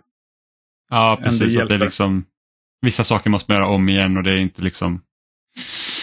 Av det blir fel tjatigt. anledning. Ja, ja precis. Nej, men så det var det är väl kanske ett av de bättre backlog-spelen helt klart. Mm. Ja, men kul. Och kul med Spiderman, jag tror att du är den första som har valt det. Jag vet inte om det är någon annan som har valt Spiderman. Ja, men och det, det hänger väl också lite på att jag, jag har ju... Mm, alltså Diablo 4, Baldur's Gate 3 och, och Tears of the Kingdom. Då, det är, alltså, jag tvivlar inte på någonstans att det är helt fantastiska spel. Jag är lite sugen på Baldur's Gate. Mm. Eh, och som sagt, det var, alltså, Tears of the Kingdom, det skulle säkert vara bra. Jag skulle säkert tycka att det var kul också, men inte min typ av Zelda. Och likaså Diablo. Jag, jag har älskat ettan, tvåan, trean. Men de har, jag har liksom inte tid för den sortens Nej. spel längre känner jag. Utan jag vill ha lite mer lättillgängligt. Och där är ju verkligen eh, Spiderman rätt upp i min gränd. Ja, gud ja. Att det, för det är, det är lite lustigt också. Eh, folk som har klagat nästan på att det är lite för lätt platinum i det här spelet. Mm. Att man säger ja det var, det var nog den lättaste jag tagit i år. Eller den lättaste någonsin. Jag har hört väldigt många säga ja fast det är ju inte utmaningen som är... Alltså vill du ha svåra spel då ska du inte spela Marvel Spiderman överhuvudtaget. Nej, precis. Nej. Det, går, det går ju att ställa upp svårighetsgraden där men det blir fortfarande ett väldigt... Alltså det, jag klarar av det på högsta svårighetsgraden och då är det ett ganska lätt spel. Mm. Ja, precis. Det, ingen shame i lätta Platinum, liksom, så länge Nej. det är kul att ta. Det, Nej, men jag vet inte hur mycket tid man har ödslat på någonting egent- egentligen helt meningslöst men så är det så jäkla svårt och man så bara "Åh." Och sen så Mm. bara varför, varför utsätter jag mig för detta? Exakt. Nej, det, Test- det, ja, förlåt. Nej, jag ska säga. Nej, säger du. Det, jag har ba, bara haft roligt med det spelet. Det, det har ju tyvärr gått lite för fort att spela igenom det för att det var allt jag gjorde Mm. när jag fick tid över då. Sen det släpptes. Testar du att ändra på swing assist? För man kunde ju göra det svårare om man ville.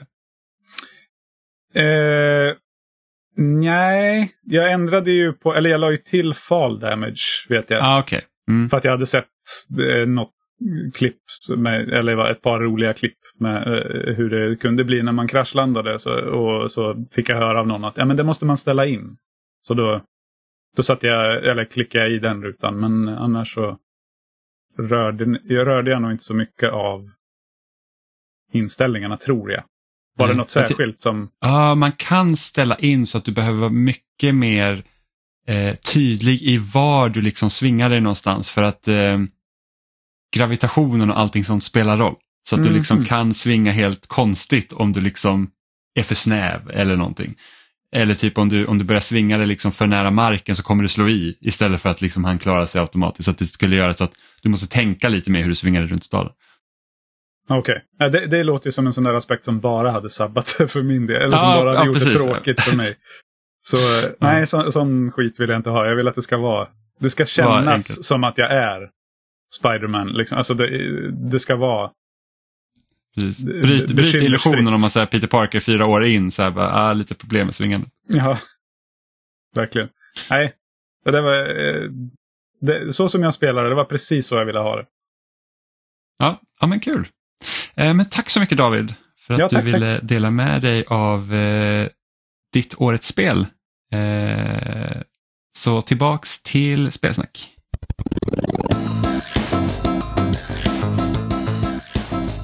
Och det var Davids årets spel. Eh, tack David. Så då har turen gått till dig Amanda. Vad har, vilket spel tycker du har varit bäst? Ja, jag ska komma lite grann till det. Precis som jag sa tidigare så har ju det här året innehållit väldigt många spel som hållit sig på någorlunda lika nivå och relativt få titlar som verkligen har stuckit ut.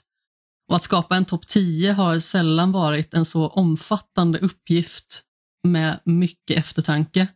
Min etta på den listan har dock suttit och värmt upp första platsen sedan jag började spela det i våras.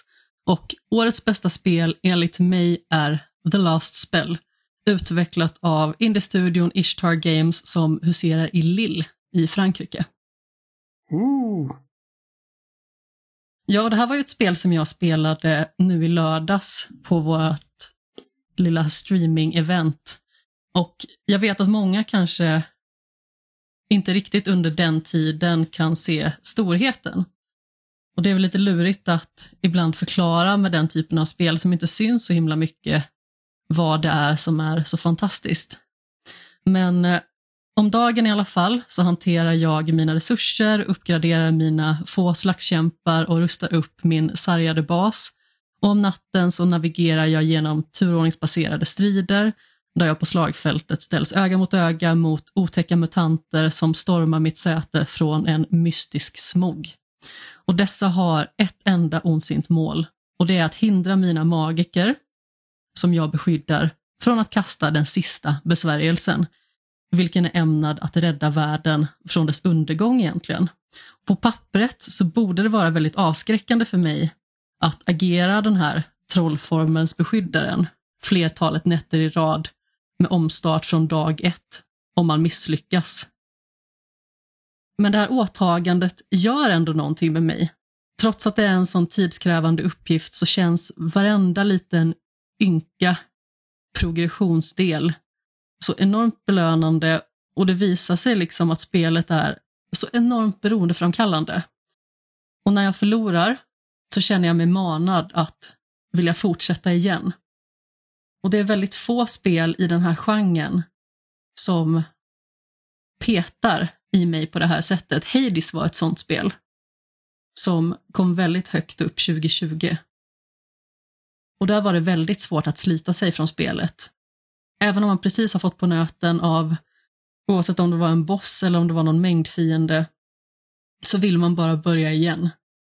För att det är liksom inte bara att man får börja om från noll utan någonting, utan det handlar om att det finns en liten progression som kommer med en längs med vägens gång.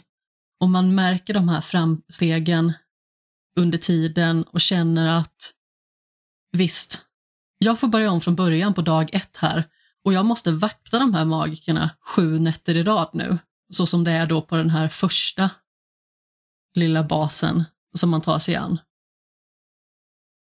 Men sen så märker jag att jag börjar ha tillräckligt mycket pengar och jag kommer kunna ha tillräckligt med interaktion med de här väsendena som man möter längs med vägens gång för att kunna skaffa nya typer av byggnader, vilket gör att man till exempel kan få mer material, man kan få mer guld, hälsa, mana och så vidare.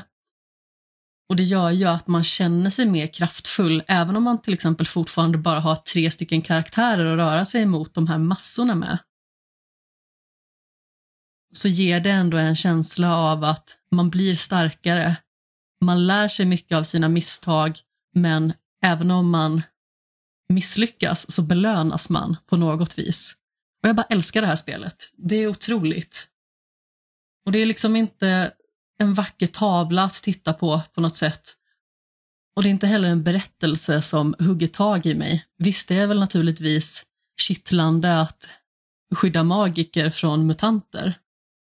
Men det är inte precis som att det är någon världsomvälvande berättelse som väcker upp starka känslor i mig. Musiken däremot är ju väldigt peppig och medryckande. Men det är just den här psyken som gör det för mig. Bara känslan av att jag sugs in i spelet och har svårt att släppa taget om det. Att bara fortsätta spela. Det är otroligt. Och det är väldigt svårt, vilket gör att jag inte har klarat det än.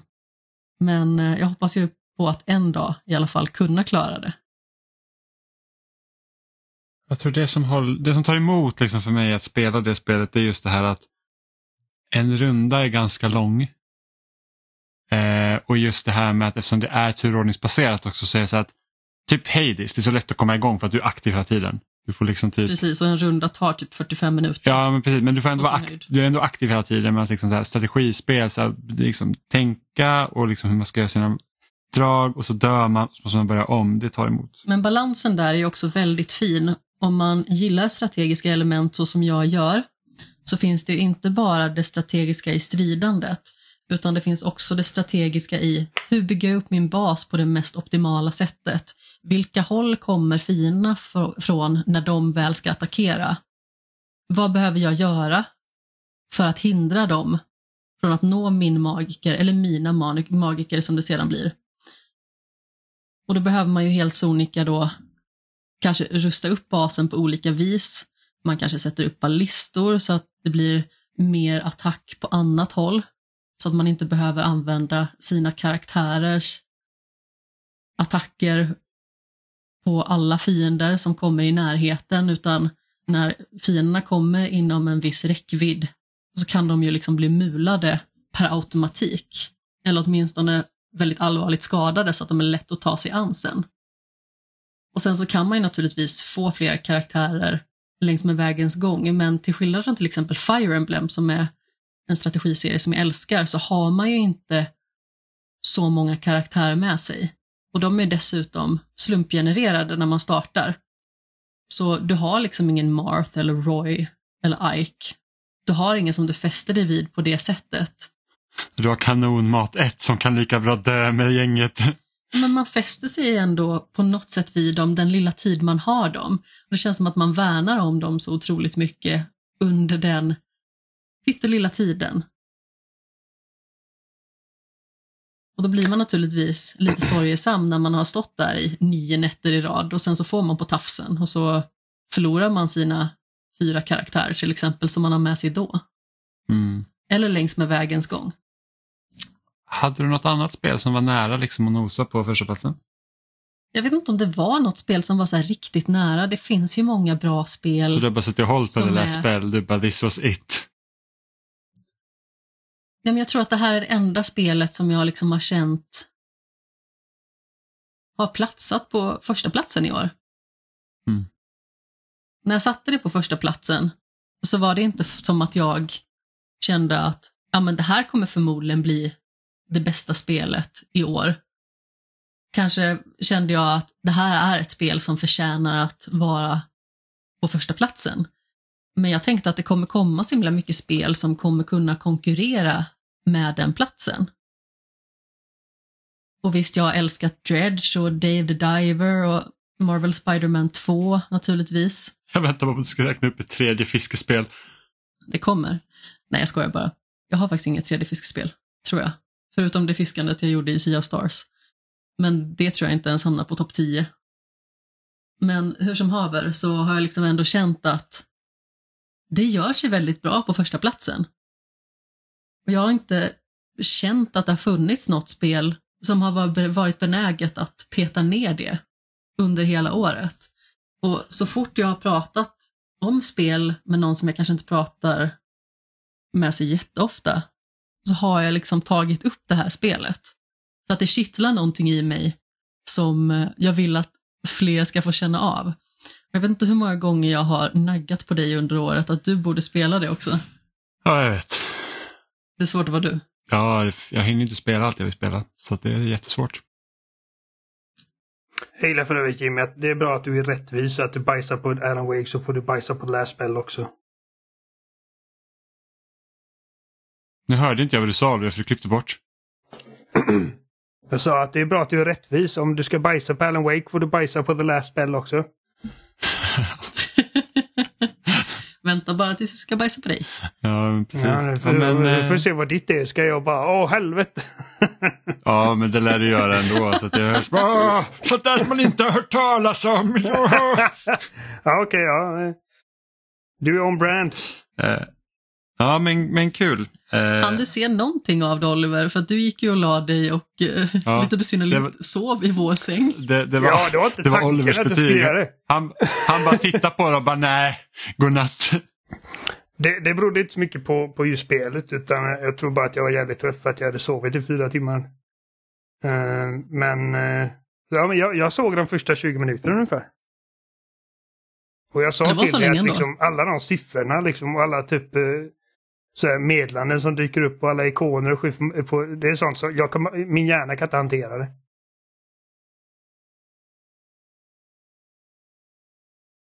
Alltså det är ju ett spel som jag skulle säga är optimerat för PC. Så om man är en PC-spelare så bör man definitivt ta sig an det där. Men jag tycker att det funkar fint på konsol också. Och jag upptäckte ju nu äntligen att man kunde zooma in ganska så väl så att man ser de här siffrorna lite lättare och bättre. Men det finns även på Switch till exempel och bärbart är det ju verkligen kanon. Jag har ju testat att spela det med min backbone för att liksom kunna bara mysspela lite i sängen innan jag går och lägger mig. Och det har verkligen känts superskönt att kunna ha den tillgängligheten till spelet också. För att jag är en sån person som gärna plockar upp ett spel i tio minuter när jag inte har någonting annat för mig. Och sen så kan jag göra någonting annat som jag kanske mycket mer behöver göra. Jag gillar ju att sitta i långa spelsessioner också och bara gräva ner mig i ett spel. Men jag tycker att det är skönt att bara kunna plocka upp, göra några drag och sen så återvända till det. Någonting som Jimmy är aktivt emot. Ja, jag, jag fattar inte det här med att typ sätta sig och spela typ en halvtimme och sen är man nöjd. Man var så här, men alltså nej, det är för lite tid. Jag vill känna att om jag vill sätta mig ner och spela så vill jag liksom sätta mig ner för att spela, inte bara köra en kort stund. Jimmy har ett sånt djuprotat hat mot viloläget. Att jag liksom inte vet vad viloläget har gjort honom som har skadat honom på det här sättet. Ja, jag sätter ingenting i viloläge. Orimligt. Det är för att ett, jag litar inte på att för att kommer en uppdatering till maskinen då är det liksom kört. Eh, och sen så i vissa spel så räknas liksom speltiden om det är viloläge och det vill jag inte ha för jag vill ju kunna se exakt hur mycket jag spelat. Så det stör mig. Det bekommer mig inte så jättemycket faktiskt. Men eh, om man inte har spelat The Last Spell i alla fall så rekommenderar jag det varmt, i synnerhet om man är en person som är lite mer strategiskt lagd. Är man en person som föredrar att vara aktiv konstant, alltså kanske gillar mer actionfyllda spel, då kanske det är lite motigt om jag ska vara helt ärlig. Men eh, jag älskar det. Det är fantastiskt.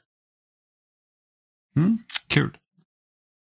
Eh, då har turen kommit till Peter som ska berätta om sitt årets spel och efter honom följer direkt Kristoffer med det olyckliga smeknamnet Krille. Eh, så då lyssnar vi på vad de har att säga. Då sitter jag här med Peter Eriksson som gästade oss under året i Spelsnack, vårt lilla VR-orakel. Hur är det med dig Peter? Eh, det är bra. VR eh, Eh, VR-säsongen går mot sitt slut med året. Men det, den, det ser bra ut för, för eh, december månad. Så att eh, jag är pepp. I alla fall på det. Vad är det för någonting speciellt som släpps då? Idag är det... Ska vi säga, får jag säga vilket datum det är när vi spelar in? Absolut. Idag är det den 6 december och om två dagar så släpps den gratis uppdateringen till Resident Evil 4-remaken. Så att hela Aha. spelet är komplett i VR. Spännande. Så bara det är ju, eh, kommer ju hålla mig sysselsatt resten av året. Eh, och sen så kommer det även fler spel som eh, folk har sett fram emot. Dock har det varit ett dåligt år för VR för det är jättemånga spel som har släppts ofärdiga eller trasiga på andra sätt.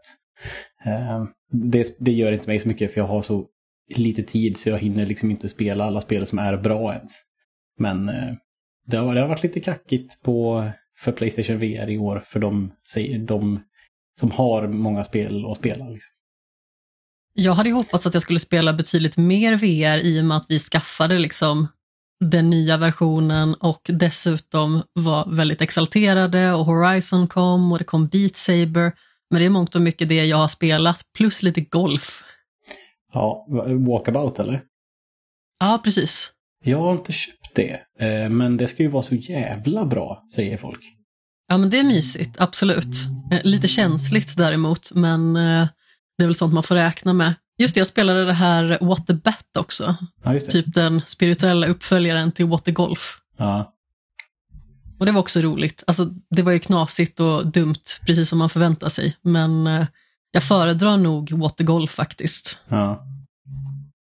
Men vad, eh, ja, nu får du krypa till korset här nu då. Varför har ni inte spelat något VR? Jag har ju frågat er tidigare när vi har träffats så det, då har ni skruvat på er, både du och Jimmy. Stått där och sett obekväma ut.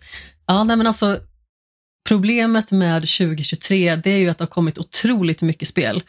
Mm. Alltså, vi har ju haft de här jättestora titlarna och eh, tidigare under dagen idag så pratade jag med Douglas också om att det har kommit jättemånga stora titlar och att jag personligen faktiskt inte har tagit mig an så jättemycket av dem. Det är så Final Fantasy 16, Starfield, Zelda.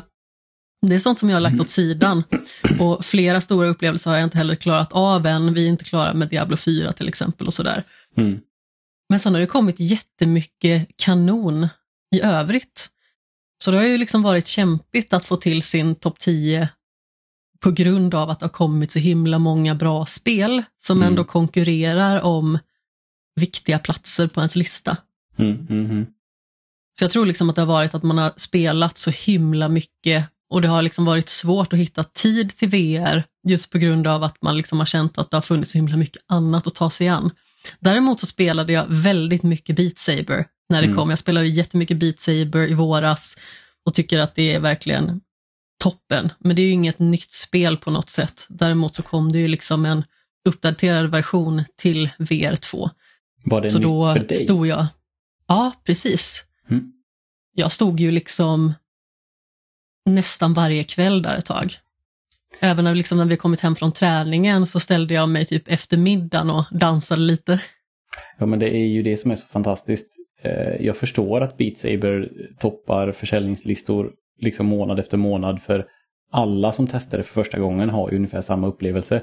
Eh, att det är så jävla kul och enkelt och ingen blir åksjuk nästan. Eh, och det finns liksom svårighetsgraden och man, man trillar ju in i den här gamla Guitar Hero-träsket eh, där man liksom stod och, stod och spelade i hur mycket som helst. Ehm, och när det släpptes till Playstation VR 1 då kom ju det med den här kampanjen som inte fanns tidigare tror jag. Så jag var ju supertorsk på det tills det blev så svårt att jag behövde liksom öva för att klara låtar. Och då, då tappade jag det för att det, då satt liksom andra spel och väntade redan. Så då, det var liksom valet att göra. Ska jag, ska jag, ska jag öv, öva, träna på det här spelet för att fortsätta spela? Eller ska jag ta något annat som väntar på listan? Liksom? Ja, men precis. Och i den här kampanjen så är det ju någonstans där, jag tror att det är 11-12, där det blir så här snuskigt svårt helt plötsligt. Mm. Och jag förstod liksom inte riktigt vad som hände, för innan dess kändes det som att okej, okay, jag kanske behövde två försök. Men det var ungefär det. Och sen så mm. bara så här, jag vet inte hur jag ska bete mig för att det här ska funka. Men det är också lite gött att, så är det ju i många, så var det ju i Guitar Hero med. Det fanns ju låtar som hade liksom den här låten på hard, den, den klarar jag bara inte. Det går inte, jag vet inte hur jag ska göra och då så ger man sig fan på det och så, och så löser man den där sista orangea knappen på gitarren och bara får in det här greppet och så funkar det. Det är ju samma sak med Beat Saber, man behöver liksom bara ja, man bör öva helt enkelt. Eh, för att bli bättre på vissa av de här kullarna och ta sig över. Eh, och det är klart, det är ju tråkigt om man, ja, om man inte har passionen eller tiden eller så vill. Men jag kan ändå uppskatta att, de, att det finns sådana, att, att det kräver någonting av en till slut.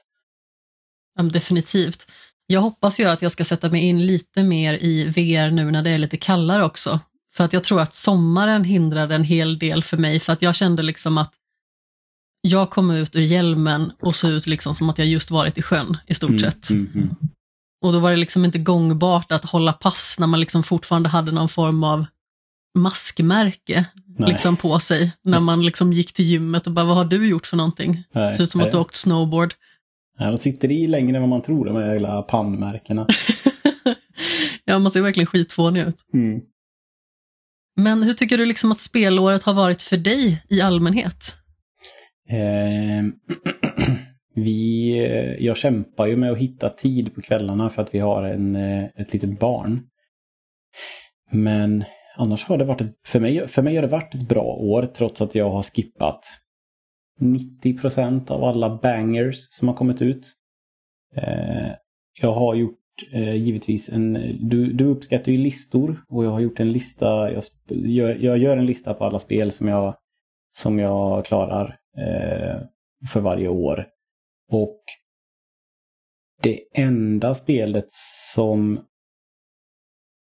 är nytt. Nu ska vi se. Jag har inte spelat ett enda nytt flat screen-spel i år. Mm -hmm. Däremot har jag spelat ganska många nya VR-spel för att de för att den släpptes i år. Eh, nya eller nygamla eh, liksom remasters. Men eh, alltså så att jag har ju haft ett bra år även fast jag inte har spelat någonting av allt det coolaste som har kommit. Eh, min största, min största eh, miss är väl att jag inte har börjat spela, vad heter det nu igen, eh, tre, den här trean, eh, Baldur's Gate 3 tillsammans med. Ah, Eh, då, det hade ju nog toppat för mig. För det, jag tror det spelet är det som gjort för mig. Jag kommer, jag kommer älska allting med det spelet, tror jag. Eh, men vi har inte kunnat investera tiden i det än. nej men precis.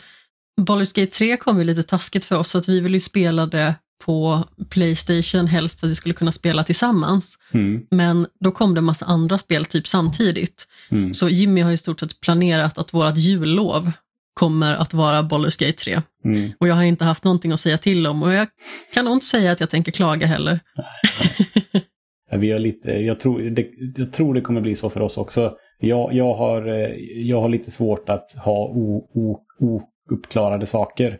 Jag, blir, jag känner en viss stress av det. Så jag har sagt till Caroline att vi ska se färdigt på Andor. Och vi ska Mm. se färdigt på, eller vi ska framförallt börja titta på och se färdigt på Loki säsong 2. Sen kan vi Aha. liksom pausa serierna och börja spela Baldur's Gate. För jag kan inte ha liksom ett, ett spe- jättelångt spel som vi båda vill spela hela tiden. Och så har vi inte sett färdigt på två serier som vi liksom har velat se hur länge som helst. Ehm, det, det, ja, det blir bara jobbigt tycker jag. Ja men precis. Man blir ju lite stressad av de här ouppklarade affärerna så att Mm. säga. Mm. Eh, Jag tror att jag har blivit mycket bättre på att bli klar med framförallt spel. Även att jag liksom har flera spel som jag inte är helt klar med. I synnerhet Mm. liksom nu. Men jag vet ju liksom att förr i tiden när jag kände att jag behövde vara ännu mer aktuell och liksom kunna vara redo att prata om allt. Mm. Då kände jag liksom att jag hinner knappt avsluta halva spelet innan jag måste påbörja någonting nytt. Och jag känner ändå att jag känner mig någorlunda trygg i idag att jag klarar av mycket fler upplevelser Mm. liksom på direkten. Mm. Så att jag liksom inte lämnar dem typ ett halvår. Så Mm. vet man inte exakt var man var och så känns det som att man behöver liksom spela in sig igen på det. Mm. Men du sa att du inte hade spelat något liksom nytt spel som eh, var liksom... Eh, Jag, jag ljög. eh, Jag har spelat ett spel. Jag har, rättare sagt, jag har klarat ett spel som släpptes i år. Och det är Junk World till iOS. Uppföljaren Ah. till Kingdom Rush-spelen. men vi spelade du Dredge också? Kom det i år? Jajamän. Ja, då ljög jag ännu mer. Visst har jag klarat Dredge. Eh, superbra ju. Ja, men verkligen. Det, det tänkte jag inte på. Det kändes som att det var eh, lite äldre när jag började spela det, men det kanske bara var någon månad. Ja, men alltså, jag tror att jag har råkat se det någon gång när jag gått in på appen, för att jag går ofta in på appen och kollar liksom mina troféer och så, i synnerhet Mm. liksom om jag är sugen på att ta Platinum. Och då ser man ju liksom, dina vänner spelar just nu Mm. X och Y Mm. i stort sett. Mm. Så jag för mig att jag såg att du spelade det någon gång. Mm, jo, Ja, det men var vad roligt. bra. Jag har tänkt Men du hade en liten lista. DLC. Eh, Ja, jag- precis. Ja, jag har en lista. Eh, ska, jag, ska jag bränna av den uppifrån och ner? Det är inte så många titlar, så eh, be- behöver jag inte, behöver inte bli långvariga. Bara kör igång och sen så pausar vi innan ettan lite grann tycker jag. Ja, nej, alltså jag har inte rangordnat dem i, eh, Ah, okej. i ordning. Utan för det, det, det, så, det, det tycker jag är lite jobbigt. Eller jag har i alla fall inte förberett det inför idag. Men det, de, eh, jag, bara, jag bara läser av dem så får du kommentera på någonting i sen om du vill. Mm, absolut. De jag, spel jag har klarat i år är God of War Ragnarök, Horizon Forbidden West, Horizon Call of the Mountain, Song in the Smoke till eh, VR, Demio, Resident Evil 3-remaken, Dredge, The Walking Dead Saints and Sinners 2 Retribution till VR, Red Matter 2 till VR, Lonely Mountain Downhill, Death's Mm. Door, Vampire the Masquerade Justice till VR och Junk World. Ja, du hade ju några riktiga pärlor där alltså. Horizon ligger ju mig varmt om hjärtat, men Ja. även Lonely Mountains, väldigt roligt spel. Ja, jag köpte ju den här, eh, man, man kunde köpa upp sin eh, Playstation Plus. Så här, ja, nu kostar det dig bara 150 kronor att uppa till högsta nivån för resten tills din tid går ut, typ. Mm. Och då låg den med i någon av de här tiersen och jag har tittat på den länge. Jag tycker att det sett så jävla mysigt ut. Och fy fan vad mysigt det var. Det var ju bara terapi att spela det spelet. Ja men verkligen, och sen så är ju fysiken så himla rolig också för att man är ju mm. så himla sladdrig som karaktär så det ser ju så himla roligt ut om man typ kraschar in i ett träd eller någonting. Mm. Det ser ut som att mm. benen är typ bakom nacken. Mm. Ja, det var härligt. Um, och även Death's Door hörde jag. Ja, det tyckte jag också, också otroligt spel. om. Det var, det var lagom det var lagom på alla sätt och vis. Det var lagom svårt, lagom långt, lagom liksom eh, lagom eh,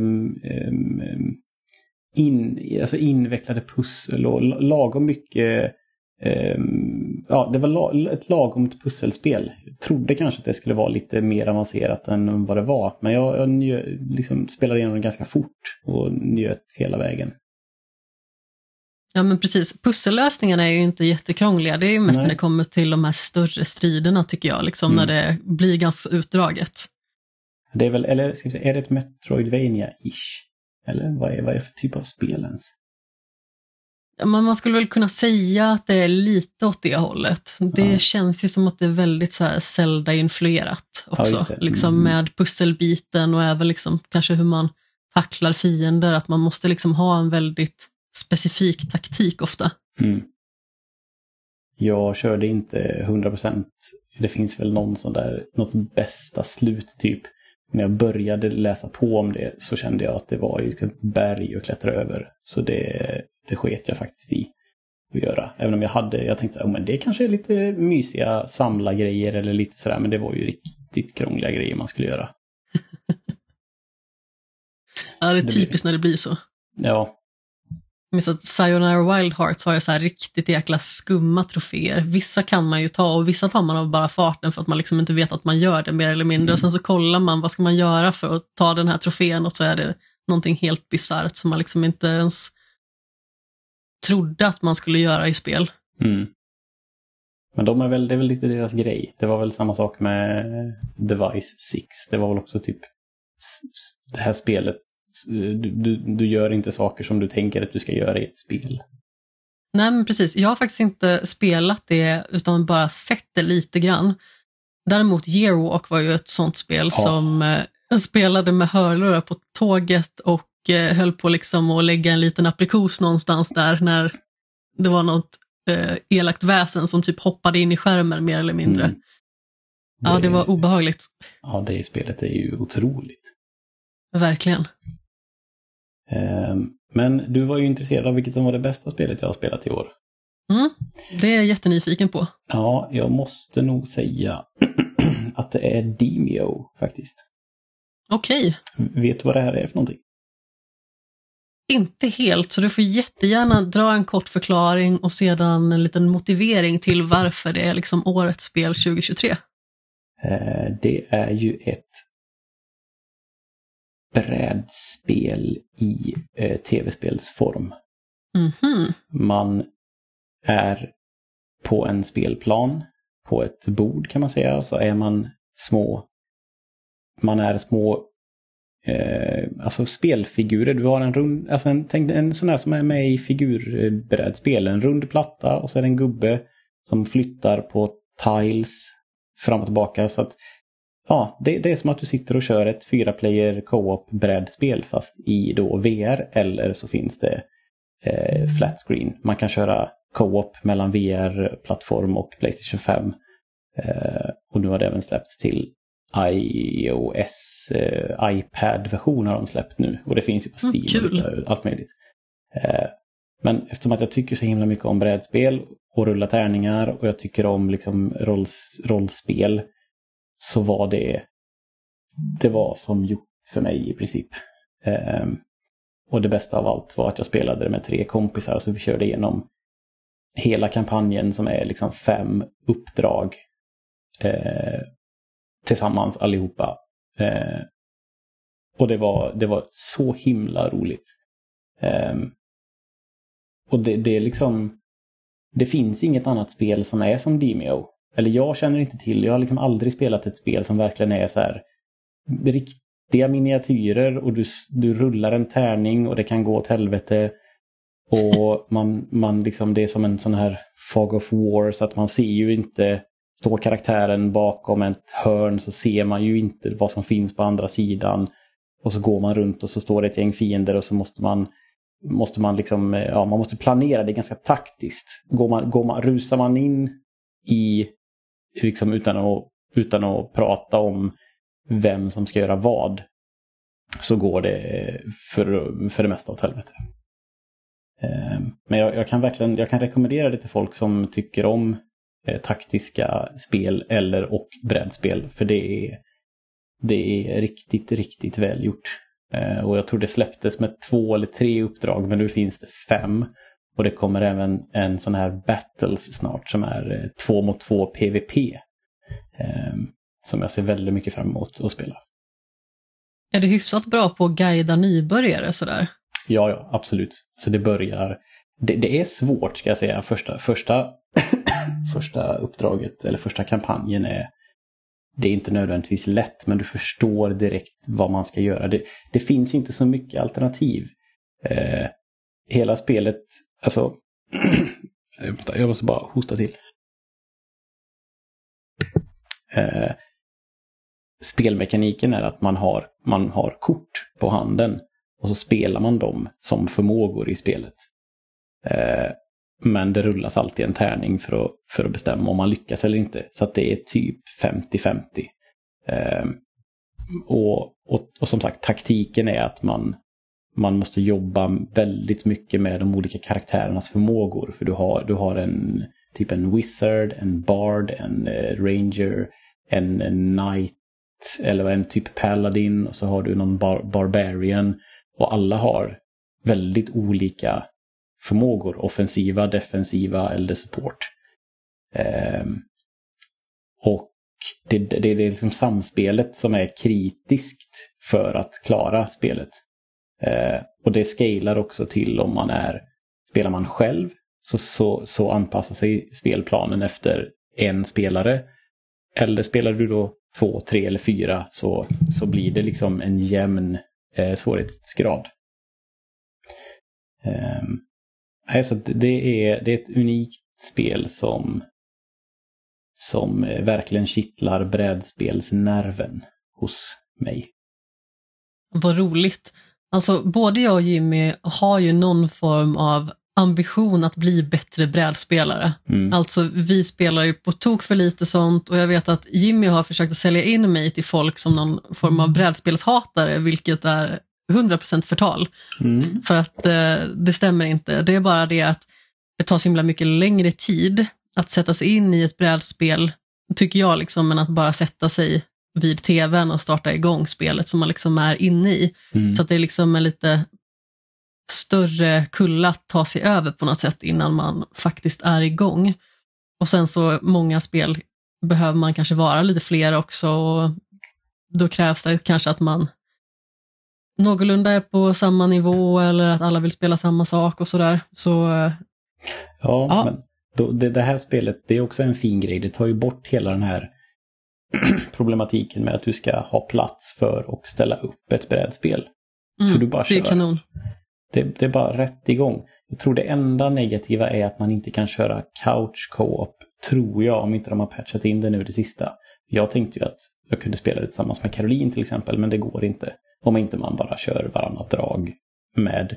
Eller liksom, du kan ju välja att ha fyra karaktärer och skicka kontrollen emellan. Mm, alltså att man styr sin karaktär, det går ju absolut mm. att göra. Eh, men annars så finns det nog inget sånt där att du liksom har multikontroll eh, couch co-op. Är det möjligt att spela VR-versionen med den inom citationstecken vanliga versionen i kooperativt läge? Ja, ja. Så körde vi. Jag, ska vi se. Jag, hade, jag satt oftast på v, PSVR 2. Mm. Om inte jag var väldigt trött då, liksom ork, och då, för vi kör ju ofta sent på kvällen då när min dotter har lagt sig. Mm. Så då, i någon gång spelade jag med PS, PS5-versionen. Eh, två av mina kompisar satt på MetaQuest 2.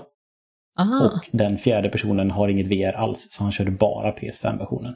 Och det, det funkar hur bra som helst. Enda skillnaden är att när man spelar i VR så plockar man upp sin karaktär och ställer den på ett ställe och du har din deck of cards har du liksom i din hand kan man säga. Alltså du drar ett kort och lägger det på spelplanen så händer det som du ska göra. Och spelar du eh, flat screen-versionen så bara styr du med styrspakar och styrkors och väljer kort som i vilket spel som helst som mm. har kort i sig, typ eh, inscription eller vad du nu vill. Alltså, det funkar hur bra som helst. Du väljer den tilen med analogspaken som du ska göra någonting och så det är nästan det är svårare att göra fel när man spelar eh, på, med, med handkontroll. Eh. Ja, men precis. Men då ska jag tipsa Jimmy om det också, så kan vi faktiskt testa och köra det tillsammans. Mm. Det hade varit kanon. Och som sagt, jag har kollat, jag kollade på min iPad eh, häromdagen och iPad-versionen den är ganska saftigt dyr men det är ändå ett helt riktigt spel. Så vill mm. man liksom ligga i sängen och spela så är, tror jag är helt övertygad om att det är precis lika bra på, på eh, mobilenhet. Toppen. Men då alltså årets spel 2023 Dimio. Lite kul val, lite annorlunda. Fick ett lite annorlunda svar också från Douglas innan, liksom inte bara de här stortitlarna. Ja, och det, det är verkligen inte för att vara märkvärdig utan co-op-aspekten att jag kunde spela med fyra kompisar gör ju att det tar hem det. Sen att det är ett skitbra spel ändå. Men för mig så är det nästan, alltså det gör ju hälften av glädjen om man kan spela tillsammans med någon på detta viset och köra hela kampanjer och uppdrag tillsammans med någon och inte bara liksom multiplayer som i till exempel ja, Overwatch eller Call of Duty eller sådär. Eh, eh, och sen är det också kul att de är svenskutvecklat. Mm. Så det tycker jag man kan lyfta fram. Det har, det har ingenting med mitt val att göra, men det är bara, det är bara kul att Resolution Games är eh, svenska. Ja, men absolut. Och precis som du sa där, liksom, jag förstår att det liksom inte har med märkvärdighet att göra, utan jag tycker liksom att det är genuint kul när det kommer liksom titlar som man inte riktigt förväntar sig kanske ska bli årets spel, men som verkligen liksom får lyftas fram i ljuset också, så att mm. inte de bara överskuggas av våra Starfield och vad det nu kan vara. Ja, och för, för mig så är det också kul att för en gångs skull inte vara den här eh, eh, stackars VR-entusiasten som står och slåss på min kulle ensam utan att det faktiskt går precis lika bra att spela det här spelet utan VR. Så jag behöver inte vara den, den här sorgliga stackaren som liksom bankar huvudet blodigt mot, eh, mot en vägg. Ja, vad fint. Men eh, då skickar jag ordet tillbaka till eh, studion och sen så hoppas jag att vi hörs igen nästa år Peter. Det gör vi alldeles säkert. Då är jag med Kristoffer Lundberg, Krille. Krille, omdebatterade smeknamnet. Eh, som, som Amanda tycker är så risigt. Ja, jag tycker oförtjänat mycket skit alltså. Men, eh, men vi får, ja, vi får ge henne några nya själv. Ja, men Kristoffer är, Kristoffer är inte risigt. Nej. Det är bara Krille hon tycker är risigt. Så... Gött att ha dig tillbaka Krille, äh, Kristoffer. Eh, du har varit med en gång i år va? Nej, men jag tror att jag var med två gånger. Två? Delvis snackade vi Final Fantasy 16 en gång. Eh, och sen eh, fan kommer jag inte ihåg vad vi snackade om för andra gången. Men mer än att eh, mycket krillesnack blev det.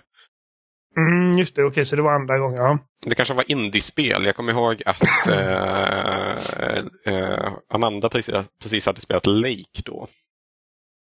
Mm. Ja, hon, hon har alltid något uh, obskyrt indiespel spelat för varje vecka så det ja, okay. Inga säger inte så mycket. Men idag är du tillbaka för att uh, berätta lite om vilket spel som är ditt favoritspel i år.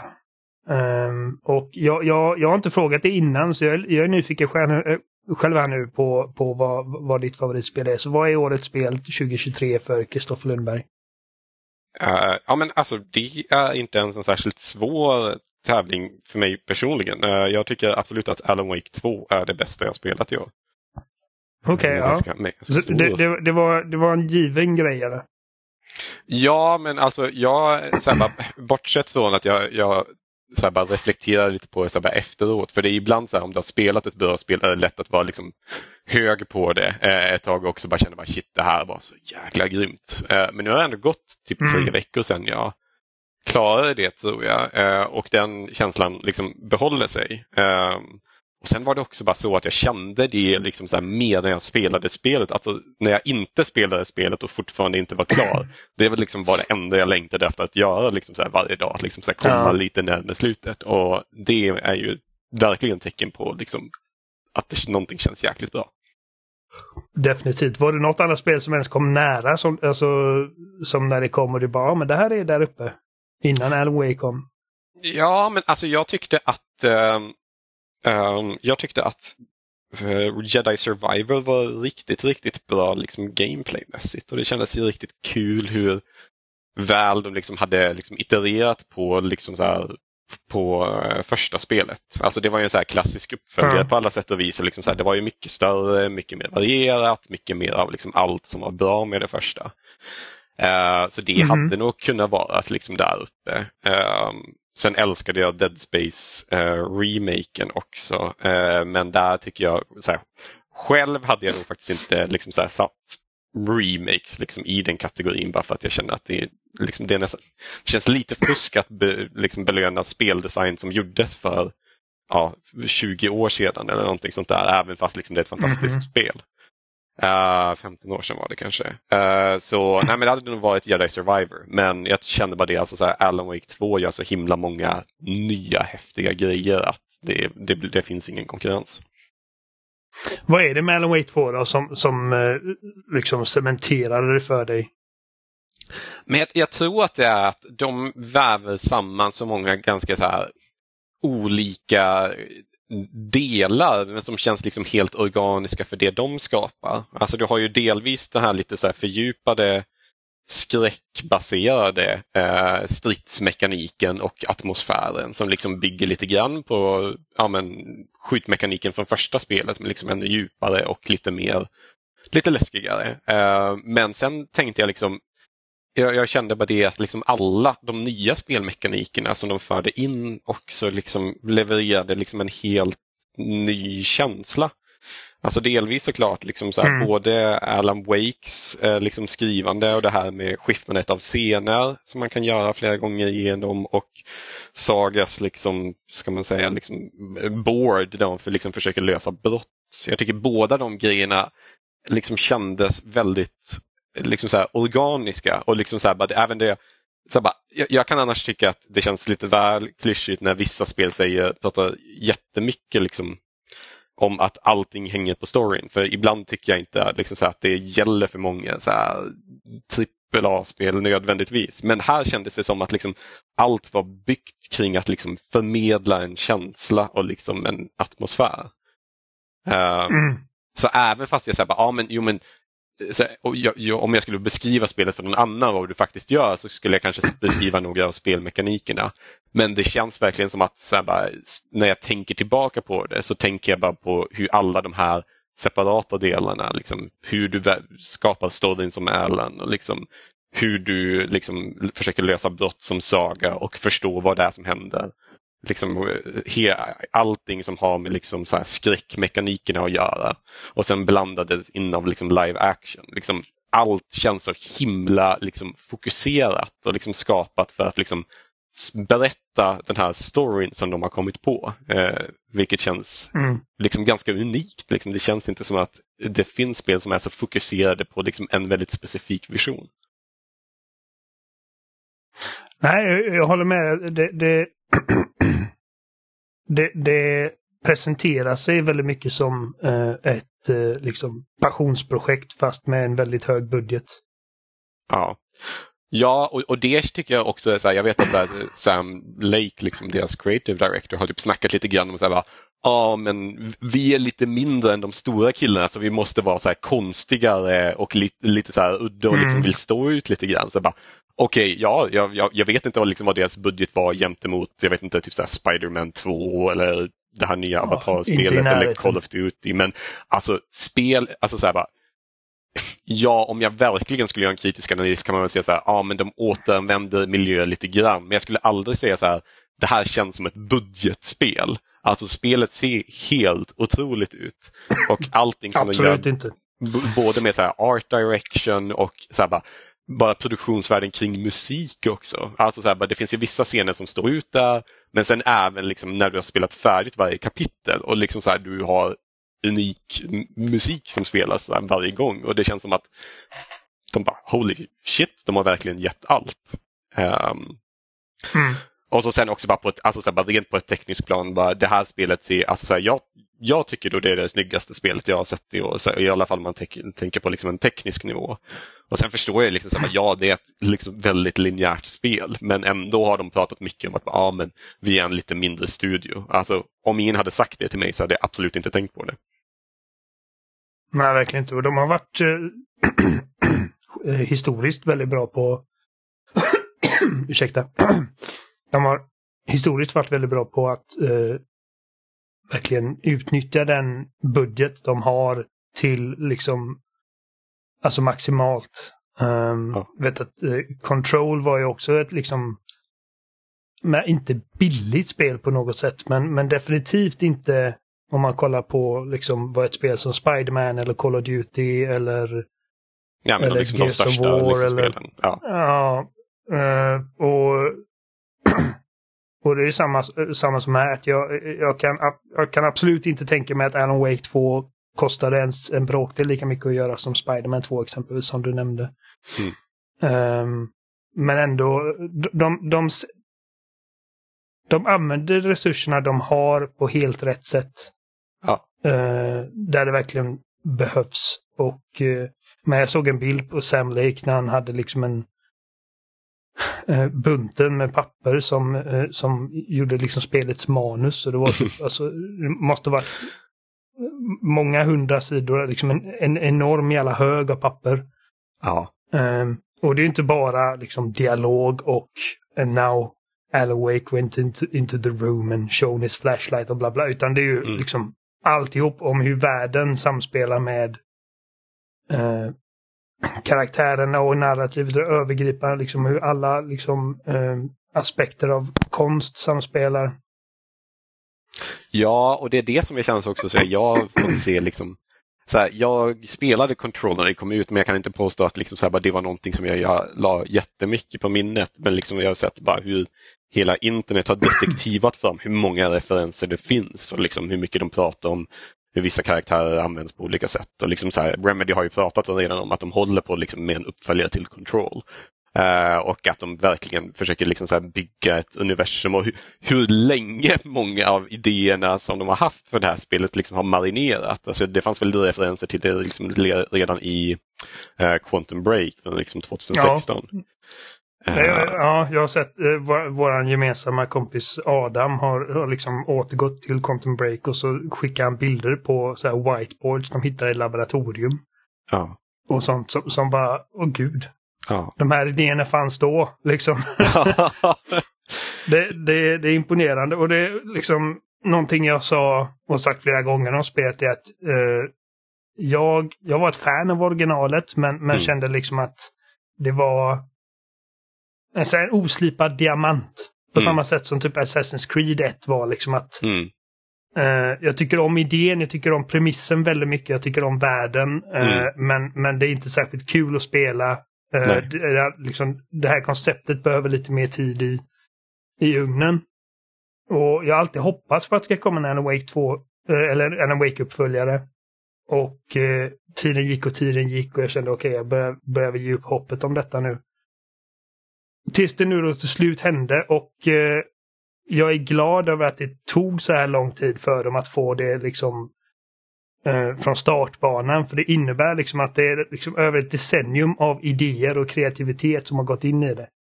Som man inte hade fått i en Alan Wake 2 som kom så här 2012. Liksom.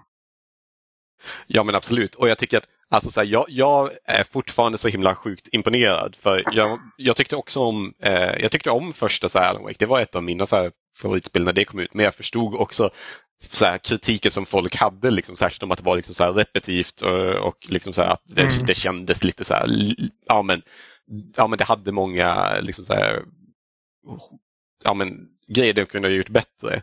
Eh, och jag var ju så här, jag tror att vi har pratat någon gång om Control, om att så här, ja, men, jo, men, alltså, så här, det var ett häftigt spel. Jag tyckte att det var så framförallt gameplaymässigt gjorde de ju många häftiga grejer där. Jag tyckte att så här, storyn där kändes lite sådär och lite med och liksom så här, det var inte min bästa upplevelse från, från dem. Liksom. Men uppenbarligen har de lärt sig så himla mycket liksom, sen de gjorde liksom, Alan Wake 1. Och jag tycker att det är så mm. sjukt mm. häftigt att se alltså, så här, steget de har tagit liksom, upp nu med att liksom, få alla narrativa trådar att gå ihop och liksom, skapa den här, alltså, så här, produktionsvärdena de har också när de blandar live action liksom, så här, med, eh, med gameplay. Det är ju någonting alltså, som de har gjort så sinnessjukt bra i det här spelet och det syns verkligen att de har gått, steppat upp sig liksom som spelskapare. Vilket också är så himla kul att se liksom, och gör mig mer taggad än någonsin bara, både på DLC och liksom framtida spel. Mm, ja, samma här. Och jag håller med dig om Control för att eh, det, det, det, blev väldigt alltså, duktigt hyllat när det kom. Det var många som liksom blev Remedy-fans med Control. Och det tycker jag är skitbra givetvis. Men uh, av allting de gjort sen första Max Payne så är det Control som jag tycker minst om. Mm. Och uh, inte för att jag inte tyckte om det, men, men helt enkelt för att jag, jag önskar att Control hade liksom samma relation till sitt narrativ som, som det här hade, eller som eh, deras tidigare spel hade. Ja. Där eh, storyn är liksom vettigt presenterad. Det var väldigt mycket liksom att storyn presenterades i gamla dokument som man hittade strösslat överallt. Ja. Um, och jo, som där, sagt, det, där... det, är också en budgetfråga säkert. Liksom. Men, uh, uh, men ja, att, att Alloway 2 är verkligen liksom det ultimata Remedy-spelet. Mm. Det känns som att de har liksom inte behövt kompromissa någonting. Nej, och, och, och, det, och det, det, som, alltså så här, det, det, finns så himla många grejer som känns så himla unikt med det också. Alltså delvis liksom hur de väver samman alla delar. Men sen också en av de bästa grejerna, eller de roligaste grejerna är ju hur alltså faktiskt komiskt spelet är också. Alltså så här, typ alla de här reklamsnuttarna mm. som finns med. Alltså, jag satt och liksom öppet flabbade åt många av dem. Alltså så här, bara, det är så sjukt att de fick, tog tid och hade budget och någon godkände att filma allt det här. Uh, för det är så ja. himla mycket så här bara skitmärkliga grejer som det, de bara, ja men det här är uppenbarligen ett så här labor of love. Uh, och någon gav dem budget att göra det. Så, uh, så, så himla imponerande. Ja, men nice. Jag, jag, jag, jag, ska, jag försöker att inte säga liksom att, att baka in mina tankar om spelet för mycket för att Alan Wake 2 ligger rätt bra till för mig också och jag måste sitta och förklara i så fall um, vad, vad, vad, vad som är så bra med Alan Wake för egen del. Så jag vill inte upprepa mig för mycket. Men, um, det kanske du ska göra ett separat segment, jag vet inte. Eller? Nej, men alltså, så som det funkar på, på Spelsnack är att vi, vi har segment för varje gäst. Ja. Och sen uh, klipper vi liksom in dem under avsnittet som jag, Amanda och Jimmy kommer spela in där vi Aha, ger våra tankar om våra spel. Ja. Uh, men då så, då vill jag tacka dig Kristoffer. Inte bara för idag och att du delar, delar dina tankar om Anna Wake utan också för att du ville vara med på podden under året och jag hoppas att eh, du kan tänka dig att gästa även nästa år. Det har varit superkul, det gör jag jättegärna. Kanon, då slänger jag tillbaka ordet till Oliver och Jimmy och Amanda. Så tack igen, Kristoffer. Hej då med dig. Tack, hej.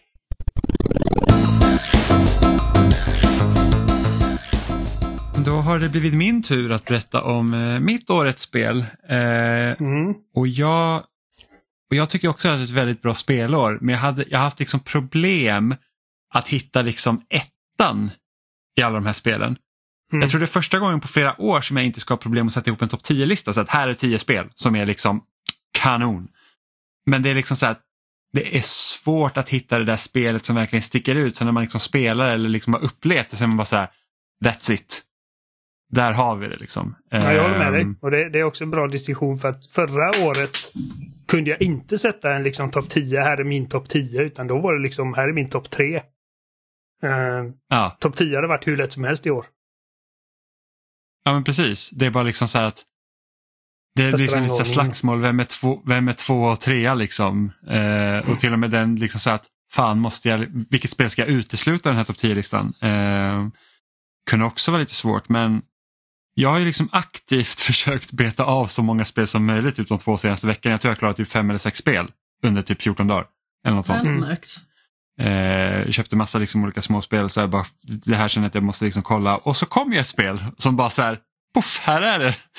Det, det är liksom bara så här att, och det är liksom inte egentligen det bästa på allt, liksom att det inte finns saker man irriterar sig för utan det är verkligen så här, liksom det är helhetsintrycket, liksom att saker som man har liksom gjort i det som bara så att det bara klaffar och man känner bara så att det här är så speciellt. Ja, men jag kan tänka mig att, det är lite så att du känner för Alan Wake 2 Oliver. Liksom så att det här är inte bäst på det och det och det men liksom helheten gör att det är så speciellt så att man liksom mm. bara så här, usch, blir golvad typ. Eh, och det spelet som jag har valt det är ju då Laika eh, Age Through Blood. Ja, ah, vilket skräpspel!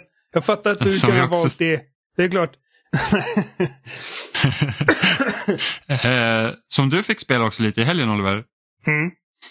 Eh, och det är ju liksom ett Metroidvania då, typ min favoritgenre eh, verkar det vara. Eh, där man liksom man kör runt på motorcykel så det spelas i mångt och mycket som ett ja, open world inom citattecken eh, Trials HD. Man liksom kör med sin motorcykel och sen så eh, ja, man får liksom se till att hålla balansen på den så att man liksom landar rätt och sådär. Och, och sen så har man då sina skjutvapen som man går in i bullet time och skjuter fiender. Liksom. Eh, ganska basic men det som verkligen liksom och det är inte liksom den unika nischen på hur man spelar det som gör spelet så speciellt utan det är verkligen liksom hur de har byggt upp världen och de karaktärerna i det. För man spelar då som hunden Laika som eh, de bor i typ ja, men ett, ett wasteland liksom, där fåglarna har tagit över. Eh, och liksom en riktig så här typ supermakt och, och liksom typ försöker liksom mörda alla liksom förutom fåglarna. Då. Det är fan typiskt fåglar. Ja, det är riktiga skit. Riktiga as är det. Eh, och, och, och Laika bor då i en by så de försöker liksom hålla sig undan och de, har liksom, de, de är liksom, de, de, bor undangömda för att fåglarna liksom hittar inte dem. Eh, och sen så händer någonting då med ens släkting som heter Poochie som är borta tillsammans med typ ens bästa kompis Jacob och de har liksom gjort någonting. Och det är liksom bara så här, fuck, det här är inte bra. Eh, och Laika är då en av de få som kan lämna byn utan problem för att hon, hon har en förbannelse som gör att hon inte kan dö. Så att när man dör så, så, så respawnar man liksom. Och det, och det är liksom sättet då de kommer undan med det här att liksom, du dör och sen respawnar du vid en checkpoint. Det är liksom skrivet in i spelet Alltså att hon, hon kommer tillbaka. Eh, och enligt henne själv beskrivet då att varenda gång man kommer tillbaka så gör ont i varenda cell i hela kroppen. Eh, och man hittar Poochie då som liksom är som hänger mellan två typ eh, elstolpar i sina inälvor. Och tänk då att det här spelet är ganska gulligt. liksom, alltså, det ser rätt så gulligt ut. Eh, det ser ut som got typ crucified with his own intestines. ja, liksom, och det, det, det är så absurt men det är absurt på det sättet att det är inte liksom Happy Tree Friends absurt. Det är liksom inte haha vad kul Poochie blev spe spettad liksom. Utan det är, det är liksom jävlar Poochie blev liksom, alltså man, man, är, man, man känner för Poochie om man säger så. Um, och, så och på grund av då att Pucci och sen Jacob då har liksom gått ut på den här liksom de har gjort något dumt som gör att nu är det liksom, det finns ingen återvändo längre utan de, den här lilla byn då måste gå i fullskaligt krig. Eller Laika då måste gå ut i fullskaligt krig för att hon kan inte dö. Um, och det visar sig senare att de här fåglarna är ute efter Laikas blod så att de ska kunna liksom själva då leva för evigt. Eh, och, och jag vet inte, det här, alltså berättelsen i det här spelet, för det, det, är så himla mörkt hela tiden. Alltså det, är liksom, det är svårt att hitta ljusglimtar i spelet, alltså rent berättelsemässigt. Alltså det, det är liksom, det är skit. Varenda person du träffar så händer det skit och det är liksom bara så här att fy fan, hur, hur skulle man liksom orka leva i den här ödemarken. Liksom. Vad, vad, lever man för? Och då är det just det att de lever liksom för varandra. Så, så Laika har ju liksom en, en, en, en unge som liksom är hennes liksom allt egentligen. Och, det, och, och, fast hon egentligen är trött på livet och just med den här förbannelsen att hon också kan inte dö är en bidragande faktor till att man liksom bara att jag, jag är fast i den här skiten. Liksom. Eh, gör liksom att det, spelet handlar väldigt mycket så att okej okay, vad, vad är drivkraften för människor att leva i svåra förhållanden egentligen? Eh, som gör att man liksom bara, ja, man, man fortsätter kämpa helt enkelt fast det liksom är, är svårt. Eh, och jag tror det är liksom det som gör att det liksom bara så att Alltså, man, man, jag bara känner så här bara wow liksom. Eh, och jag vet att många pratar om typ när Last of Us 2 kom, liksom, att de hade svårt att spela det. För att det var så himla liksom tungt. Och Last of Us 2 är tungt på många sätt. liksom. Men jag tycker ändå liksom att Last of Us 2 har ändå fler tillfällen där det verkligen känns glatt och hoppfullt jämförelsevis med typ det här spelet. För det är verkligen så här bara, fy fan, hur orkar man liksom? Eh, så, så, så det känns också väldigt tungt att spela. Eh, det of Us är... som Laika inte har är att de dödar din favoritkaraktär i världen på de första typ 20 minuterna. Hej! Pucci. men, men det, det, är liksom en stor faktor till att folk tycker att det är så jävla hemskt i spelet. Uh... Ja, absolut, absolut. Liksom, att, att, att, det finns ju liksom ingen i Laika som du liksom har lärt dig att känna innan. Nej. Eh, som, som det var i Last of Us 2. Eh, hade Pucci varit men, för, liksom, liksom, eh, för, hade vi haft Pucci först, liksom, ja, liksom. då hade det varit och sen hänga där i sina inälvor. Liksom. Ja. Eh, och, och, det, och spelet fortsätter ju vara så rått. Alltså det är liksom det appar sig själv mellan varven liksom hela tiden. Man så bara, åh jävlar, alltså det var många gånger man satt liksom typ hakan ner i golvet och bara såhär, oh my god, vad är det som händer typ? Eh, och det känns lite så ovanligt att prata om liksom berättelsen i den här typen av spel för att den är ofta liksom det är ofta inte liksom the main thing så att säga. Ehm, men här, jag, jag, jag, jag, tyckte att det gjorde sånt intryck på mig. Och sen så har jag också funderat, så här, men kan det vara typ recency bias för mig för att jag spelade väldigt nyligen. Men samtidigt så att ibland när man spelar ett spel så känner man bara så att okej, okay, det här är det. liksom. Eh, typ som när jag spelar Hollow Knight eller typ spelar Celeste eller när jag spelar Night in the Woods. Det var också liksom så här, oj, det här är någonting som jag liksom inte riktigt kan släppa eh, från min hjärna. Och det är samma sak här. Eh, och sen har de liksom så här typ att ja, men soundtracket ger ju också sin liksom bild av det hela. Det, det är inget liksom glatt och muntert soundtrack. Det är väldigt liksom så här typ Ja men det är ledsamt. Liksom det också. Men vackert det, det, märkte jag. Ja, väldigt vackert men också väldigt ledsamt. Det är liksom inga det är inga glada toner och det är liksom inte heller typ så här, nu kör vi metal liksom när vi typ slicear huvudet av fåglar utan det är ju liksom inte som när jag spelar Last Spell och så kommer det här köttiga ljudet från ja, det, det, ja, det förvånar mig lite. Ja, e- eller typ när man eller typ när man kör Doom 2016 och laddar shotgunen liksom tillsammans med liksom musiken och bara fuck yeah nu, nu gör vi slarvsylt av demonerna. Så är man inte typ så här typ, det är ju inte typ Braveheart liksom alla bara Poochie liksom. det, det, nej, så det är ett väldigt speciellt spel och, jag, jag, och det fick, och enda anledningen till att jag ens vet om att det här spelet skulle komma var för att det fick en nya av IGN när det släpptes i typ oktober på PC och jag bara så här, oj, ja men det där måste jag hålla ögonen på när det kommer till konsol. Och sen har liksom ingen pratat om det. Och, nej. och, så jag, jag tweetade häromdagen, jag var så här, nej men precis. Jag, jag, jag tweet, om det.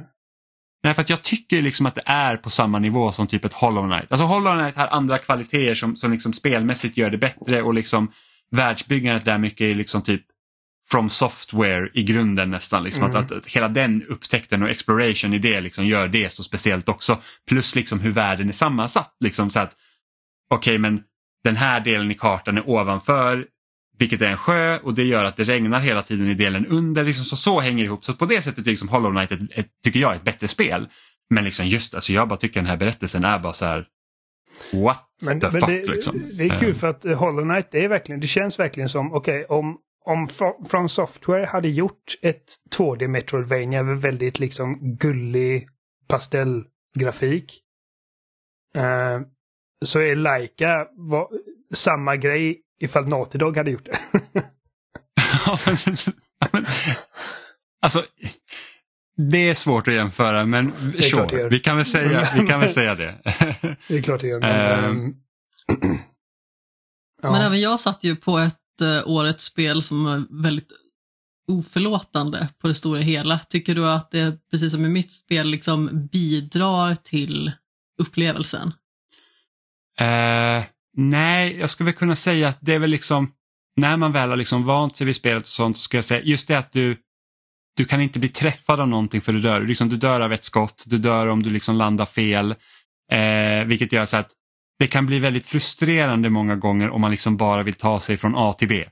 Liksom det är så bara, ah fan, så nu dog jag och så tappar jag liksom den här jävla säcken pengar och jag kanske inte ens skulle åt det där hållet egentligen men nu måste jag gå och hämta den där jävla säcken pengar för att jag inte förlorar den. Liksom, på så sätt kan det bli lite jobbigt.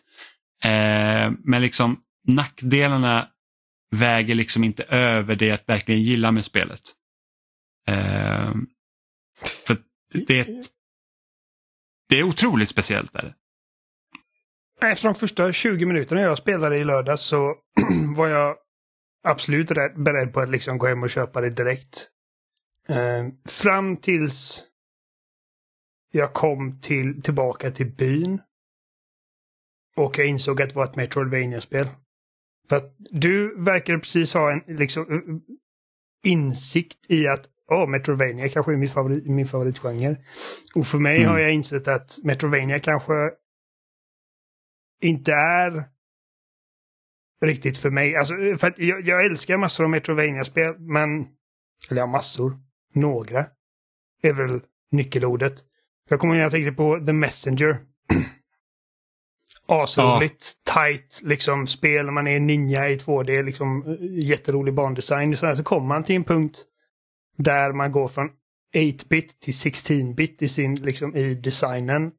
Men också, och det var jättecoolt, men också att det helt plötsligt är ett Metroidvania-spel så här öppet strukturerat och jag bara... Oh. Ja, men, men skillnaden där är också det att du hade liksom första halvan av spelet är något helt annat och sen så bara switchade. Jag Precis. spelade inte heller klart The Messenger när jag kom till 16-bit för jag sa att det här var inte det jag signade upp för.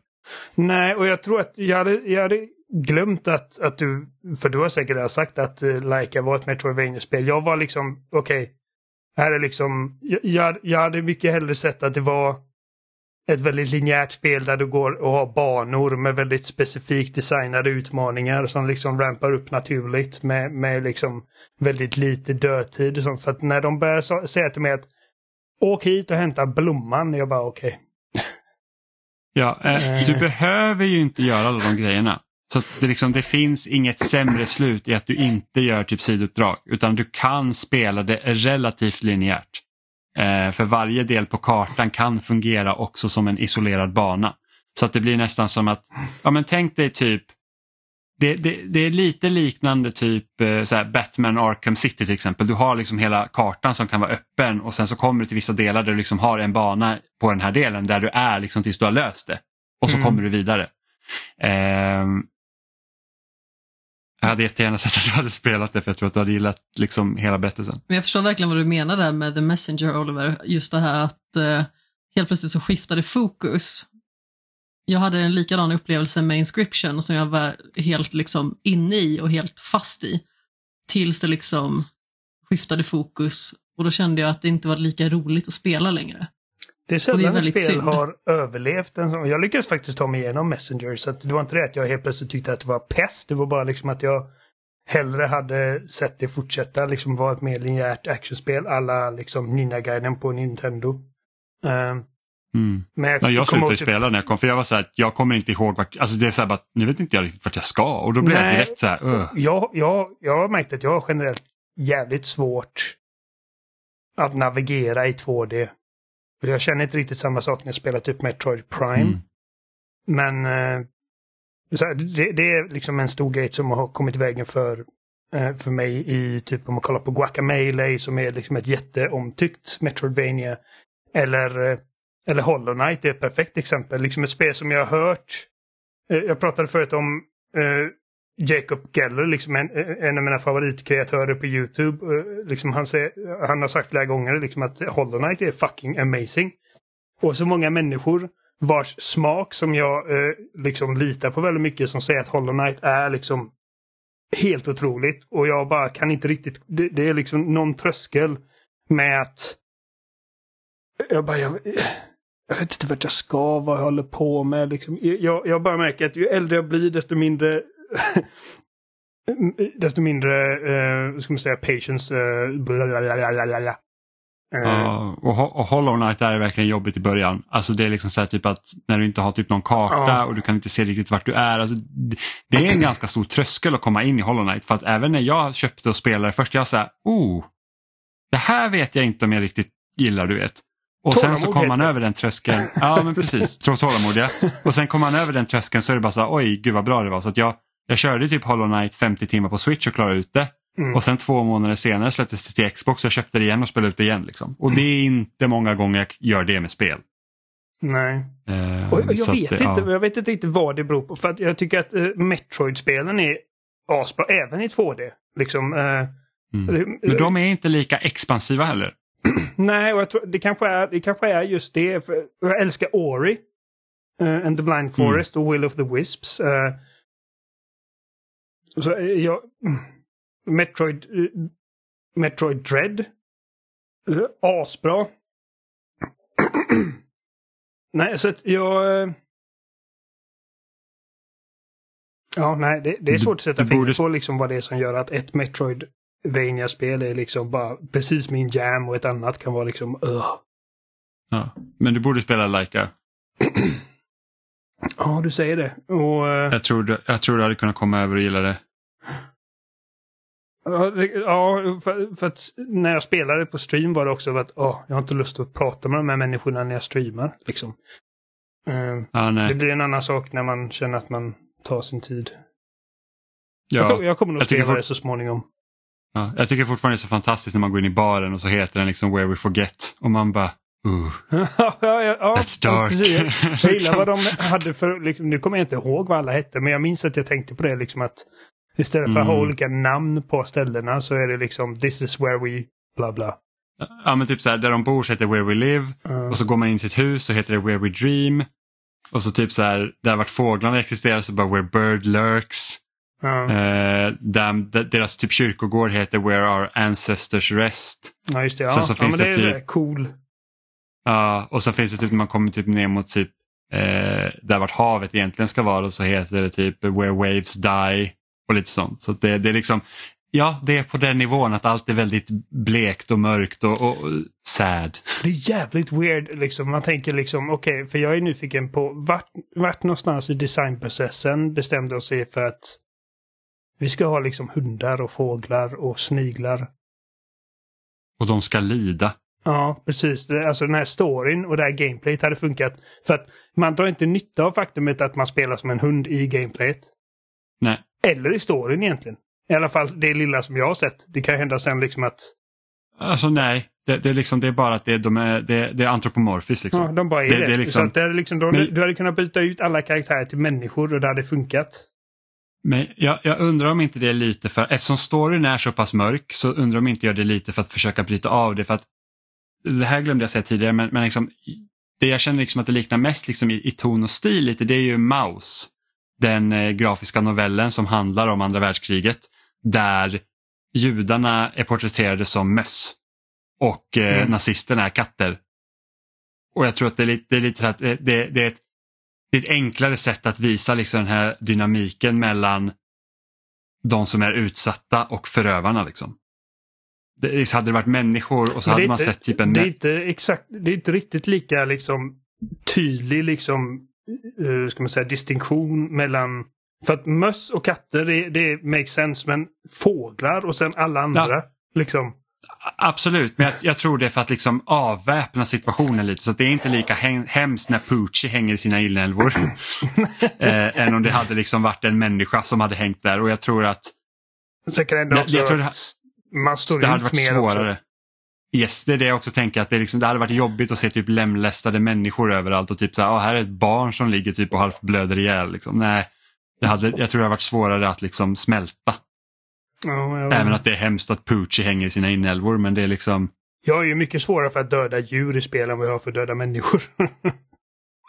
ja men absolut, men jag, jag, tror fortfarande liksom att bara se de bilderna eh, liksom tror jag det underlättar att det inte är människor. Um... Ja, och sen så får ju spelet liksom en mer distinkt stil liksom i, i liksom den tsunami-våg av nya spel som kommer varje månad. Ja. Ja men precis, men samtidigt så hade det kunnat varit tecknade människor liksom. Ja, jo.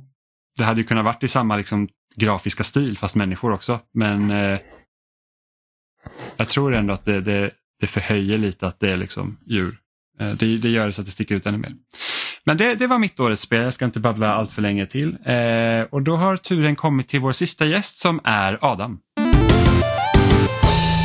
Då sitter jag här med Adam Holmberg, våra mest frekventa gäst under året. Uh, Hej Adam, tack för att du är med. Ja, ingen fara. Jag passar på att inkräkta när jag kan. Ja, ja men det, det, som sagt det, det är givet. När man har varit med någon gång under året så, så är man tvungen genom kontrakt att dyka upp mot december och berätta om vad ens favoritspel är. Mm. Uh, så vi hoppar rätt in på det. Vilket är ditt favoritspel uh, 2023? Oh.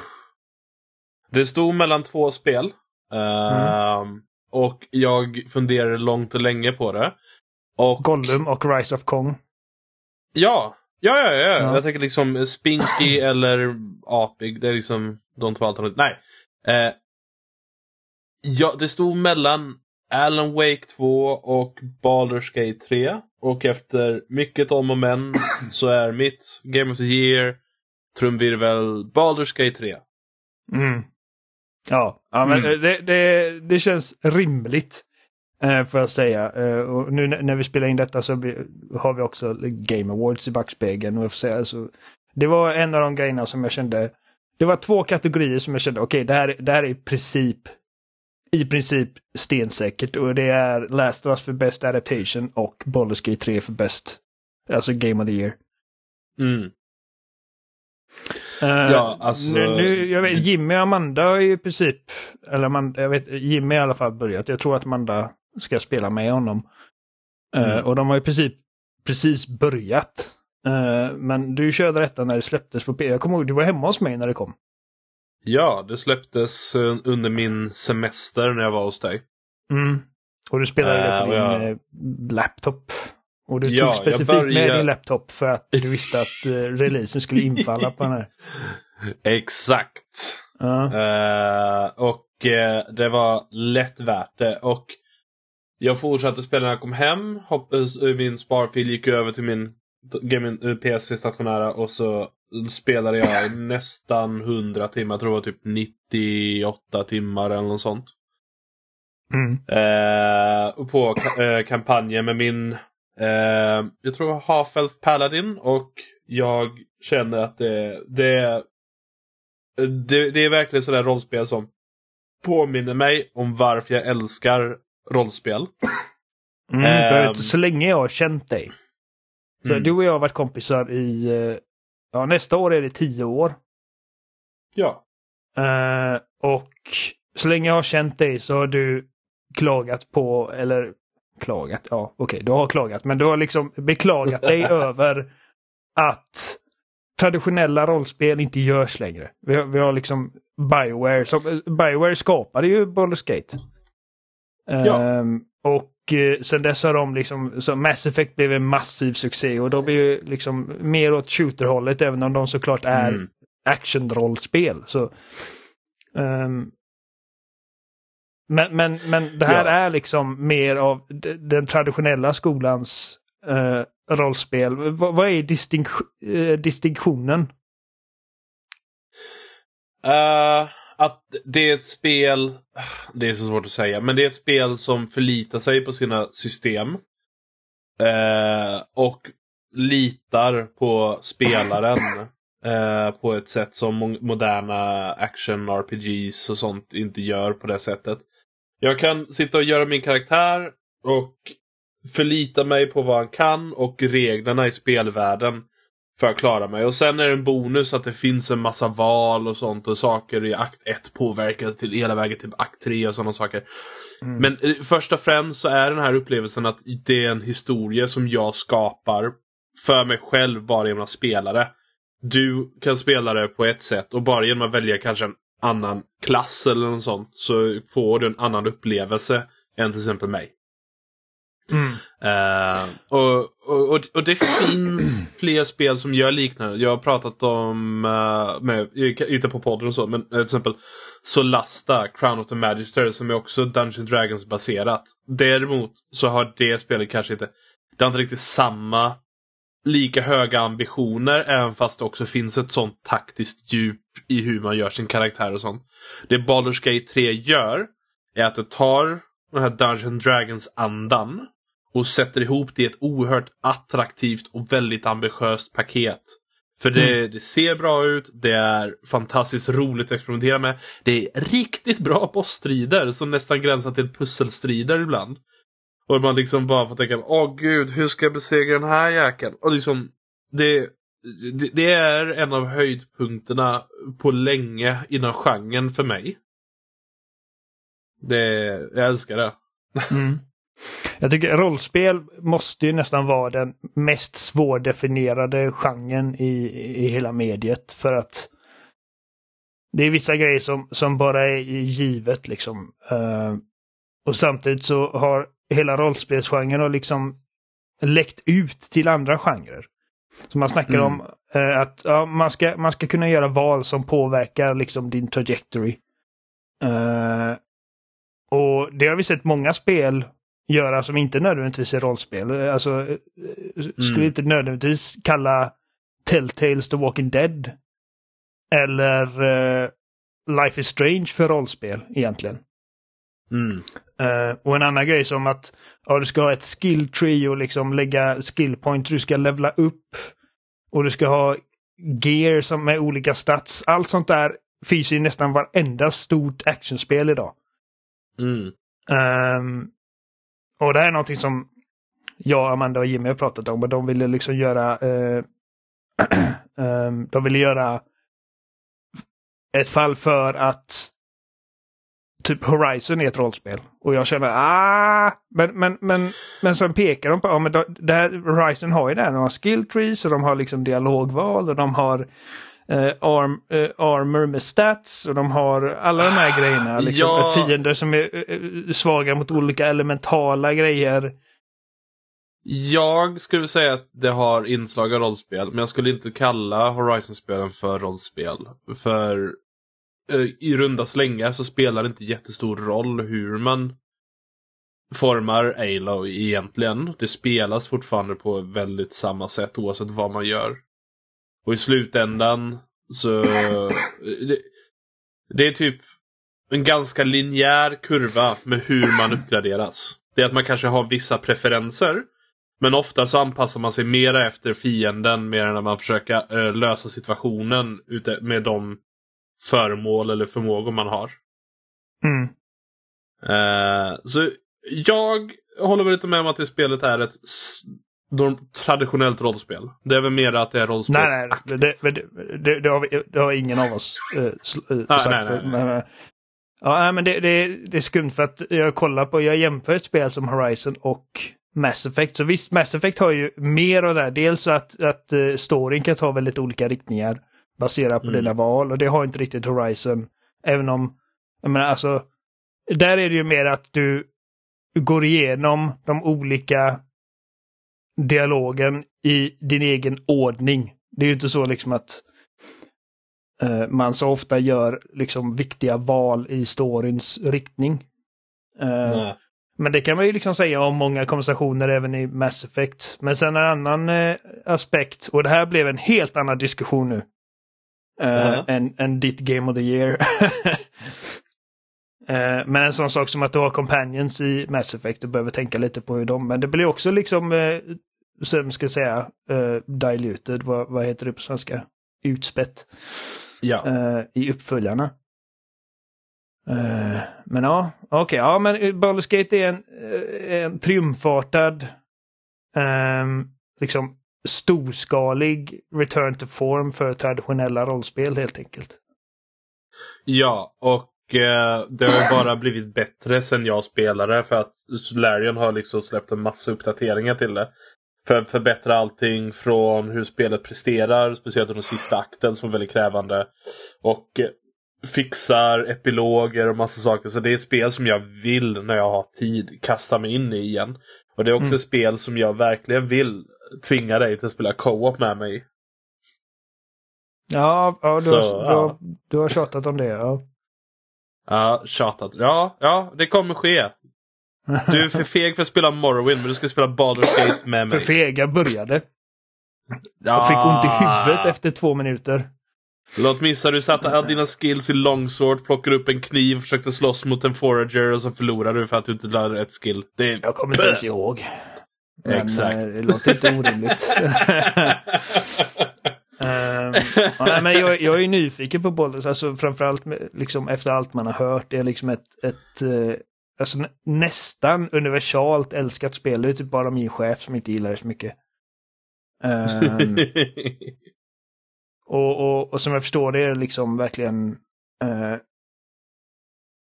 hisnande hur mycket utrymme de ger spelaren att uttrycka sig uh, i sin karaktär och sin spelstil. Mm.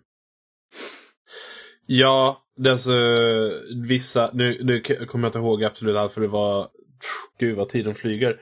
Eh, ett tag sedan, men liksom vissa sätt att liksom bara aha, komma på att använda en ability eller eh, en item man har burit på sig i typ 20 timmar. Bara, vänta den här saken kan jag använda och så helt plötsligt löser man problem man har suttit på i en timme eller något sånt. Det är, det är en fantastisk känsla och jag rekommenderar verkligen för de som vill ha eller prova på någonting någon typ av rollspel som litar på spelaren mer och låter spelaren testa sig fram. Mm. Mm. Hur tror du det kommer fungera med kontroll? Uh, jag har faktiskt spelat lite på kontroll. Så länge du inte är en extrem hoarder som jag. Som hade alla mina items på en karaktär. Uh, så borde det fungera okej. Okay. mm. Det var, nej, en, min karaktär har typ alla vattenflaskor och alla bomber alla potions nästan på sig. Eh, så är det lite items som bläddrar igenom när man ska kasta något. Men annars, det fungerar. Eh, skulle jag säga, ja. Typ. ja. Förutom Alan Wake 2, var det någonting som kom nära i år? Ja, alltså det var ju några riktigt bra spel. Uh, jag ska bara dra upp min lista. Jag börjar bli gammal, jag kommer inte ihåg allt.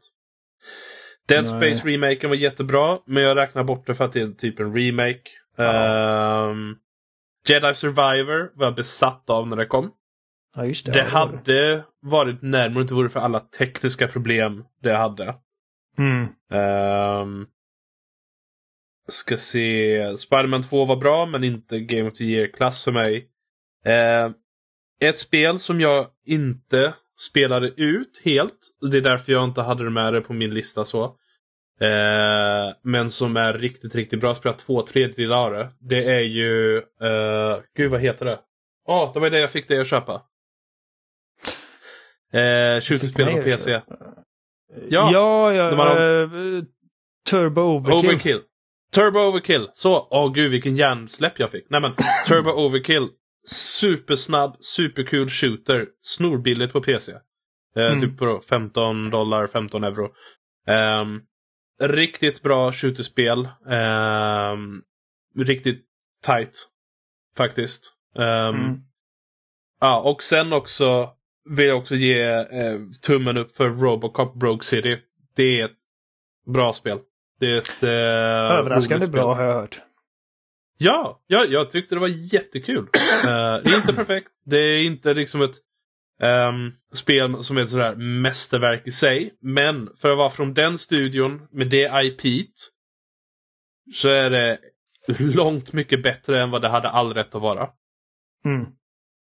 Mm. Ja, men det var just det var Wake 2 och Baldur's Gate 3 som var de som liksom fightades i slutändan. Ja, det är de som jag hade störst glädje när jag spelade. Mm. Uh, och i slutändan vann Baldur's Gate 3, men Alan Wake var inte långt efter. Mm. Okej. Okay. Uh, eh, Baldur's Gate 3, gratulerar. Jag vet inte om... Uh, I och för sig, jag har inte hört vad de andra har gett. Så det kanske är fler som har gett Baldur's Gate. Men de som har rätt har gett Baldur's Gate 3 och Game of the Year. De andra har fel. Ja, precis.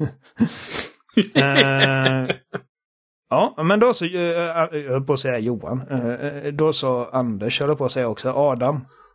Uh, ja. Tal om hjärnsläpp. Uh, tack så mycket för, för alla gånger du har varit med i år och tack för att du var med i årets upplaga av Spelsnack och Goti.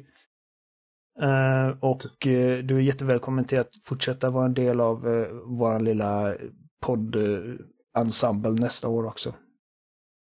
Det är ingen fara. Jag är med fram tills vi byter dörrlåsen. det är bra. Och så slänger jag ordet tillbaka till uh, Oliver och Amanda och Jimmy. Uh, hej med er.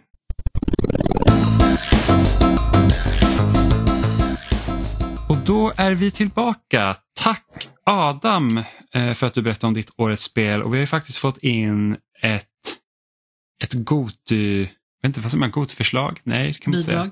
Vi har fått in ett Goty-bidrag från en lyssnare också som är DJJC som vi alla känner till som ofta skriver in till oss, vilket är kul. Eh, som har skrivit så här. Mitt go-to är Tears of the Kingdom. Har haft väldigt kul med att utforska den fantastiska världen och att upptäcka hemligheter. Gillar även storyn. Värdig uppföljare till Breath of the Wild. Och mitt Indie Game of the Year är Sanabi. Riktigt bra 2D action plattforming-spel med bra och spännande story. Det jag undrar lite liksom... för DJC, vilket av de två är bäst?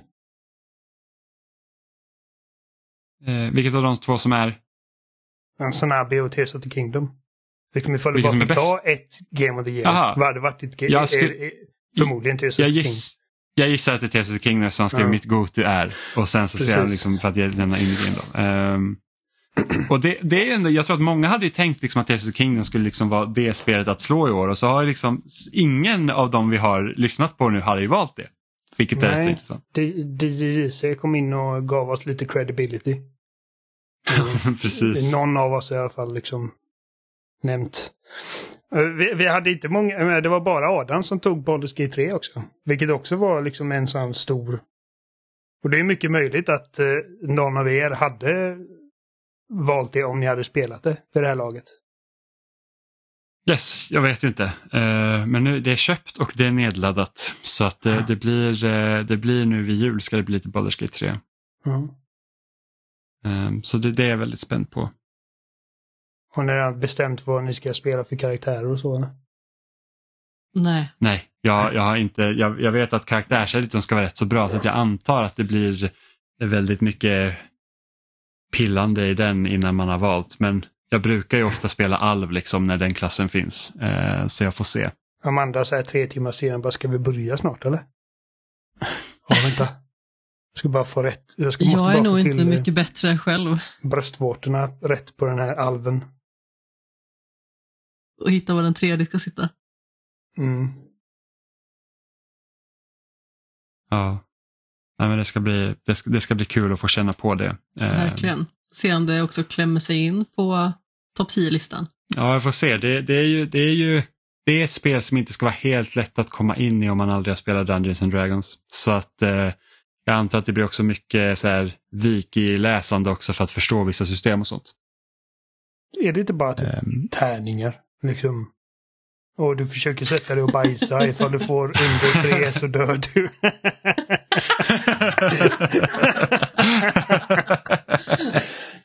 uh, nej men alltså jag tror det är typ så här hur man... Martins mage slog ett tärningskast i lördags på streamen. Ja, oh, verk... Jävlar vad det är läst. Och Oliver bara, nu skiter han ner sig. uh, nej men det, det är väl lite hur man, så tack, hur man tacklar striderna, hur man tacklar överhuvudtaget möjligheten att göra saker mm. eh, som, som kan vara lite kämpigt. Men vi kommer förmodligen spela på Easy för att eh, helst, kommer definitivt spela på Easy. Helst, eller helst uppleva storyn. Liksom. Eh, så att, och jag bryr mig inte så mycket om, om, om striderna så. Eh, men det ska bli kul att testa och se hur det är. Och, och, och det, är, alltså, det är riktigt nice med ett storytungt spel ändå. Mm. Saknar ju liksom Biowares heyday. Man kunde spela Dragon Age och Mass Effect och känna bara att usch vilken resa man har varit på. Så att, ja, det ser vi, har ni kollat Men... upp det hur det fungerar med co-op och så? Kommer ni båda få göra samma dialoger och grejer eller är det en som bara får titta och kolla på? Eh, vi... Så man, nej, utan vi spel, eftersom vi spelar på varsin maskin då så, så blir det så att vi kommer liksom existera i samma värld. Vi kan också spela i princip typ helt oberoende från varandra också.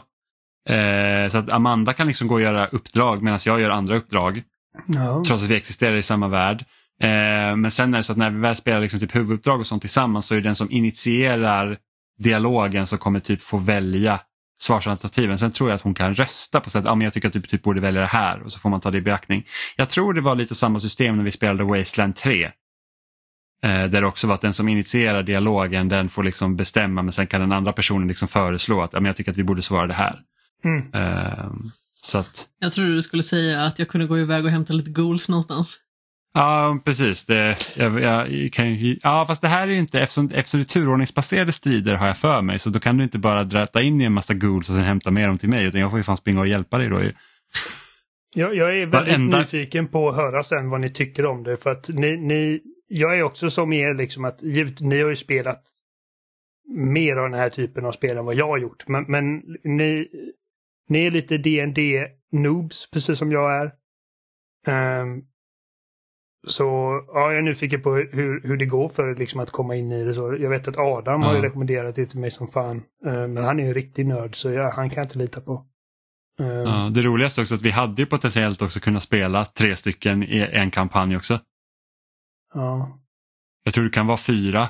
Uh, och sen är det vissa som de har ju sagt, ja men jag kör jag kör typ tre sparfiler samtidigt. En spelar jag själv, en spelar jag med min partner och sen är en kompisrunda. Liksom, för, att, för att spelet är så, alltså spelet kan spelas så pass olika så att det blir nästan som att du skulle köra Dungeons and Dragons i, i den här miljön liksom, och göra olika grejer. Um, och, och, det är så här, för mig känns det ju lite så överväldigande för att jag är så här, jag spelar ju helst inte om sådana här gigantiska spel bara för att se, oj, vad händer nu om jag gjorde och det här. Och du är inte okej okay med att inte har sett allt heller. Ja men det, det är omöjligt att se allt. Nej men jag, liksom att, jag vet att en grej som du alltid återkommer till när du snackar om varför du inte gillar New Vegas är för att du var tvungen att välja en väg till slut. Ja men det var jobbigt men det var också allt. bara för att Ja men det var bara för att jag gjorde allt i Fallout 3 där den begränsningen mm. inte fanns. Så när Nej. den kom i New Vegas då blev det så här oj. Jag hade ju hoppats på att kunna liksom tömma ut det här som jag gjorde i Fallout 3. Ja. Uh, nu har jag inte den liksom. referensramen liksom. riktigt i Ja, det, det, tycker jag egentligen också, men jag har ju inte den referensramen nu i Baldur's Gate 3, liksom att jag har spelat det tidigare spelet där jag kunde göra allt, utan nu är det ju verkligen så att, för det är samma sak i Mass Effect, du kan ju inte heller egentligen se allt, liksom alla utgångspunkter liksom i det. Nej, Även om du liksom kan spela alla spelmässiga sekvenser. Nej, uh, men jag, jag, är väldigt... Uh, men det, det var typ det jag kände med typ Starfield. En av de intressanta aspekterna i Starfield var ju det att när du har klarat spelet så kan du gå in i New Game Plus som har väldigt stora stories-konsekvenser. Um, men jag kände liksom inte för att spela det spelet igen. Och igen och igen. Liksom att det finns folk som är typ på New Game Plus 28 liksom och de bara jag upptäcker fortfarande nya saker och man bara men okej. Okay. Starfield kan inte vara mitt liv liksom. Nej. Även om det är häftigt. Um, ja. ja, ja men det vad blir årets spel 2024 nu då? Oj. Snafkin. Ja, Amanda har bestämt sig. Jag vet. Nej, jag har inte bestämt mig. Hon har bestämt sig. Jag det... bara slängde ut någonting. Hon bara, ja, Mumin. Jag vet inte ens vad jag ser fram emot. Vi kommer ju göra ett avsnitt där vi snackar om vad vi ser fram emot under året, antar jag, som vi alltid gör. Yes, och förhoppningsvis ska vi också kunna drafta till vår Fantasy Critic League ja, som jag ska ja. läsa på hur vi ska göra den. Du måste ge mig typ en guide eller någonting så jag... jag ja, men jag, jag, jag, jag kommer jag får typ, jag kommer få typ agera eh, League Manager och vara med. Jag får se eh, så, jag ska, så jag ska se hur jag kan lösa det. Liksom. För att man får typ sätta upp lite regler, typ så här att okej okay, men vad får vi drafta, hur mycket pengar får vi ha och spendera under året och lite sånt. Um, så det ska bli kul att se om vi kan uh, fixa ihop det. Mm. Yes, eh, nästa vecka så blir det inget avsnitt eftersom det är juletider och sånt. Så att nästa avsnitt som kommer är spelmusikavsnittet och det blir då början av eh, nästa år helt enkelt. Nästa vecka kan man däremot lyssna på ett avsnitt av Skämshögen som jag och Jimmy kommer att spela in. Det kan man göra. Eh, och Tack till alla som tittade på streamen. Eh, det var dit jag skulle komma. Eh, I lördags. Det var väldigt roligt. Eh, ni var så aktiva i chatten. Eh, Jimmy fick kortslutning här. Ja, jag fick det. Jag var så här, vad fan ska jag säga nu? Eh, så det, det, var väldigt roligt. Vi streamar inte så ofta, men när vi gör det så är det alltid kul att det är folk som är inne och tittar. Eh, och vi hade ju väldigt kul. Eh, det är då man liksom upptäcker liksom de här eftersom vi inte spelar så mycket multiplayer-spel tillsammans längre så är det extra roligt när vi liksom nu kunde spela Street Fighter 6 tillsammans och mm. vi kunde ge stryk åt Martin eh, ganska rejält. Och, alltså. och ge stryk till Martin, ja. ja väldigt snabbt. Party Animals var ju roligast. Ja, Party Animals var ju skitroligt liksom det, och det är ett spel som, som verkligen lämpar sig att sitta liksom så här tätt och spela tillsammans. Eh, och sen såklart WarioWare var ju väldigt roligt. Och det kan ni se i efterhand. Den finns på Youtube, på vår Youtube-kanal, eh, Spelsnack Podcast. Eh, så kan ni titta där. Annars hittar vi som vanligt på spelsnack.com och där finns också länkar till alla sociala medier vi finns på som Instagram, Facebook, Twitter. Eh, ni kan också lyssna på oss i er favoritpodcast-app som Spotify, Apple Podcast och RSS-flöden. Ni kan också mejla till oss på kontaktesmedsatt.com eller byta ut kontakt till något av våra förnamn spelsnack.com eller gå in på loading.se och kommentera där för varje avsnitt läggs upp som en ny tråd. Och då hörs vi igen nästa år. Så vi hoppas att ni har en trevlig jul och eh, hälsar gott nytt år. Ja. Hej då! jag behövde typ säga det för det var lite... Det, det tog ett tag innan hjärnkontoret började ticka igång där. Ja, ja, ja, nej, men gott, gott nytt år på er.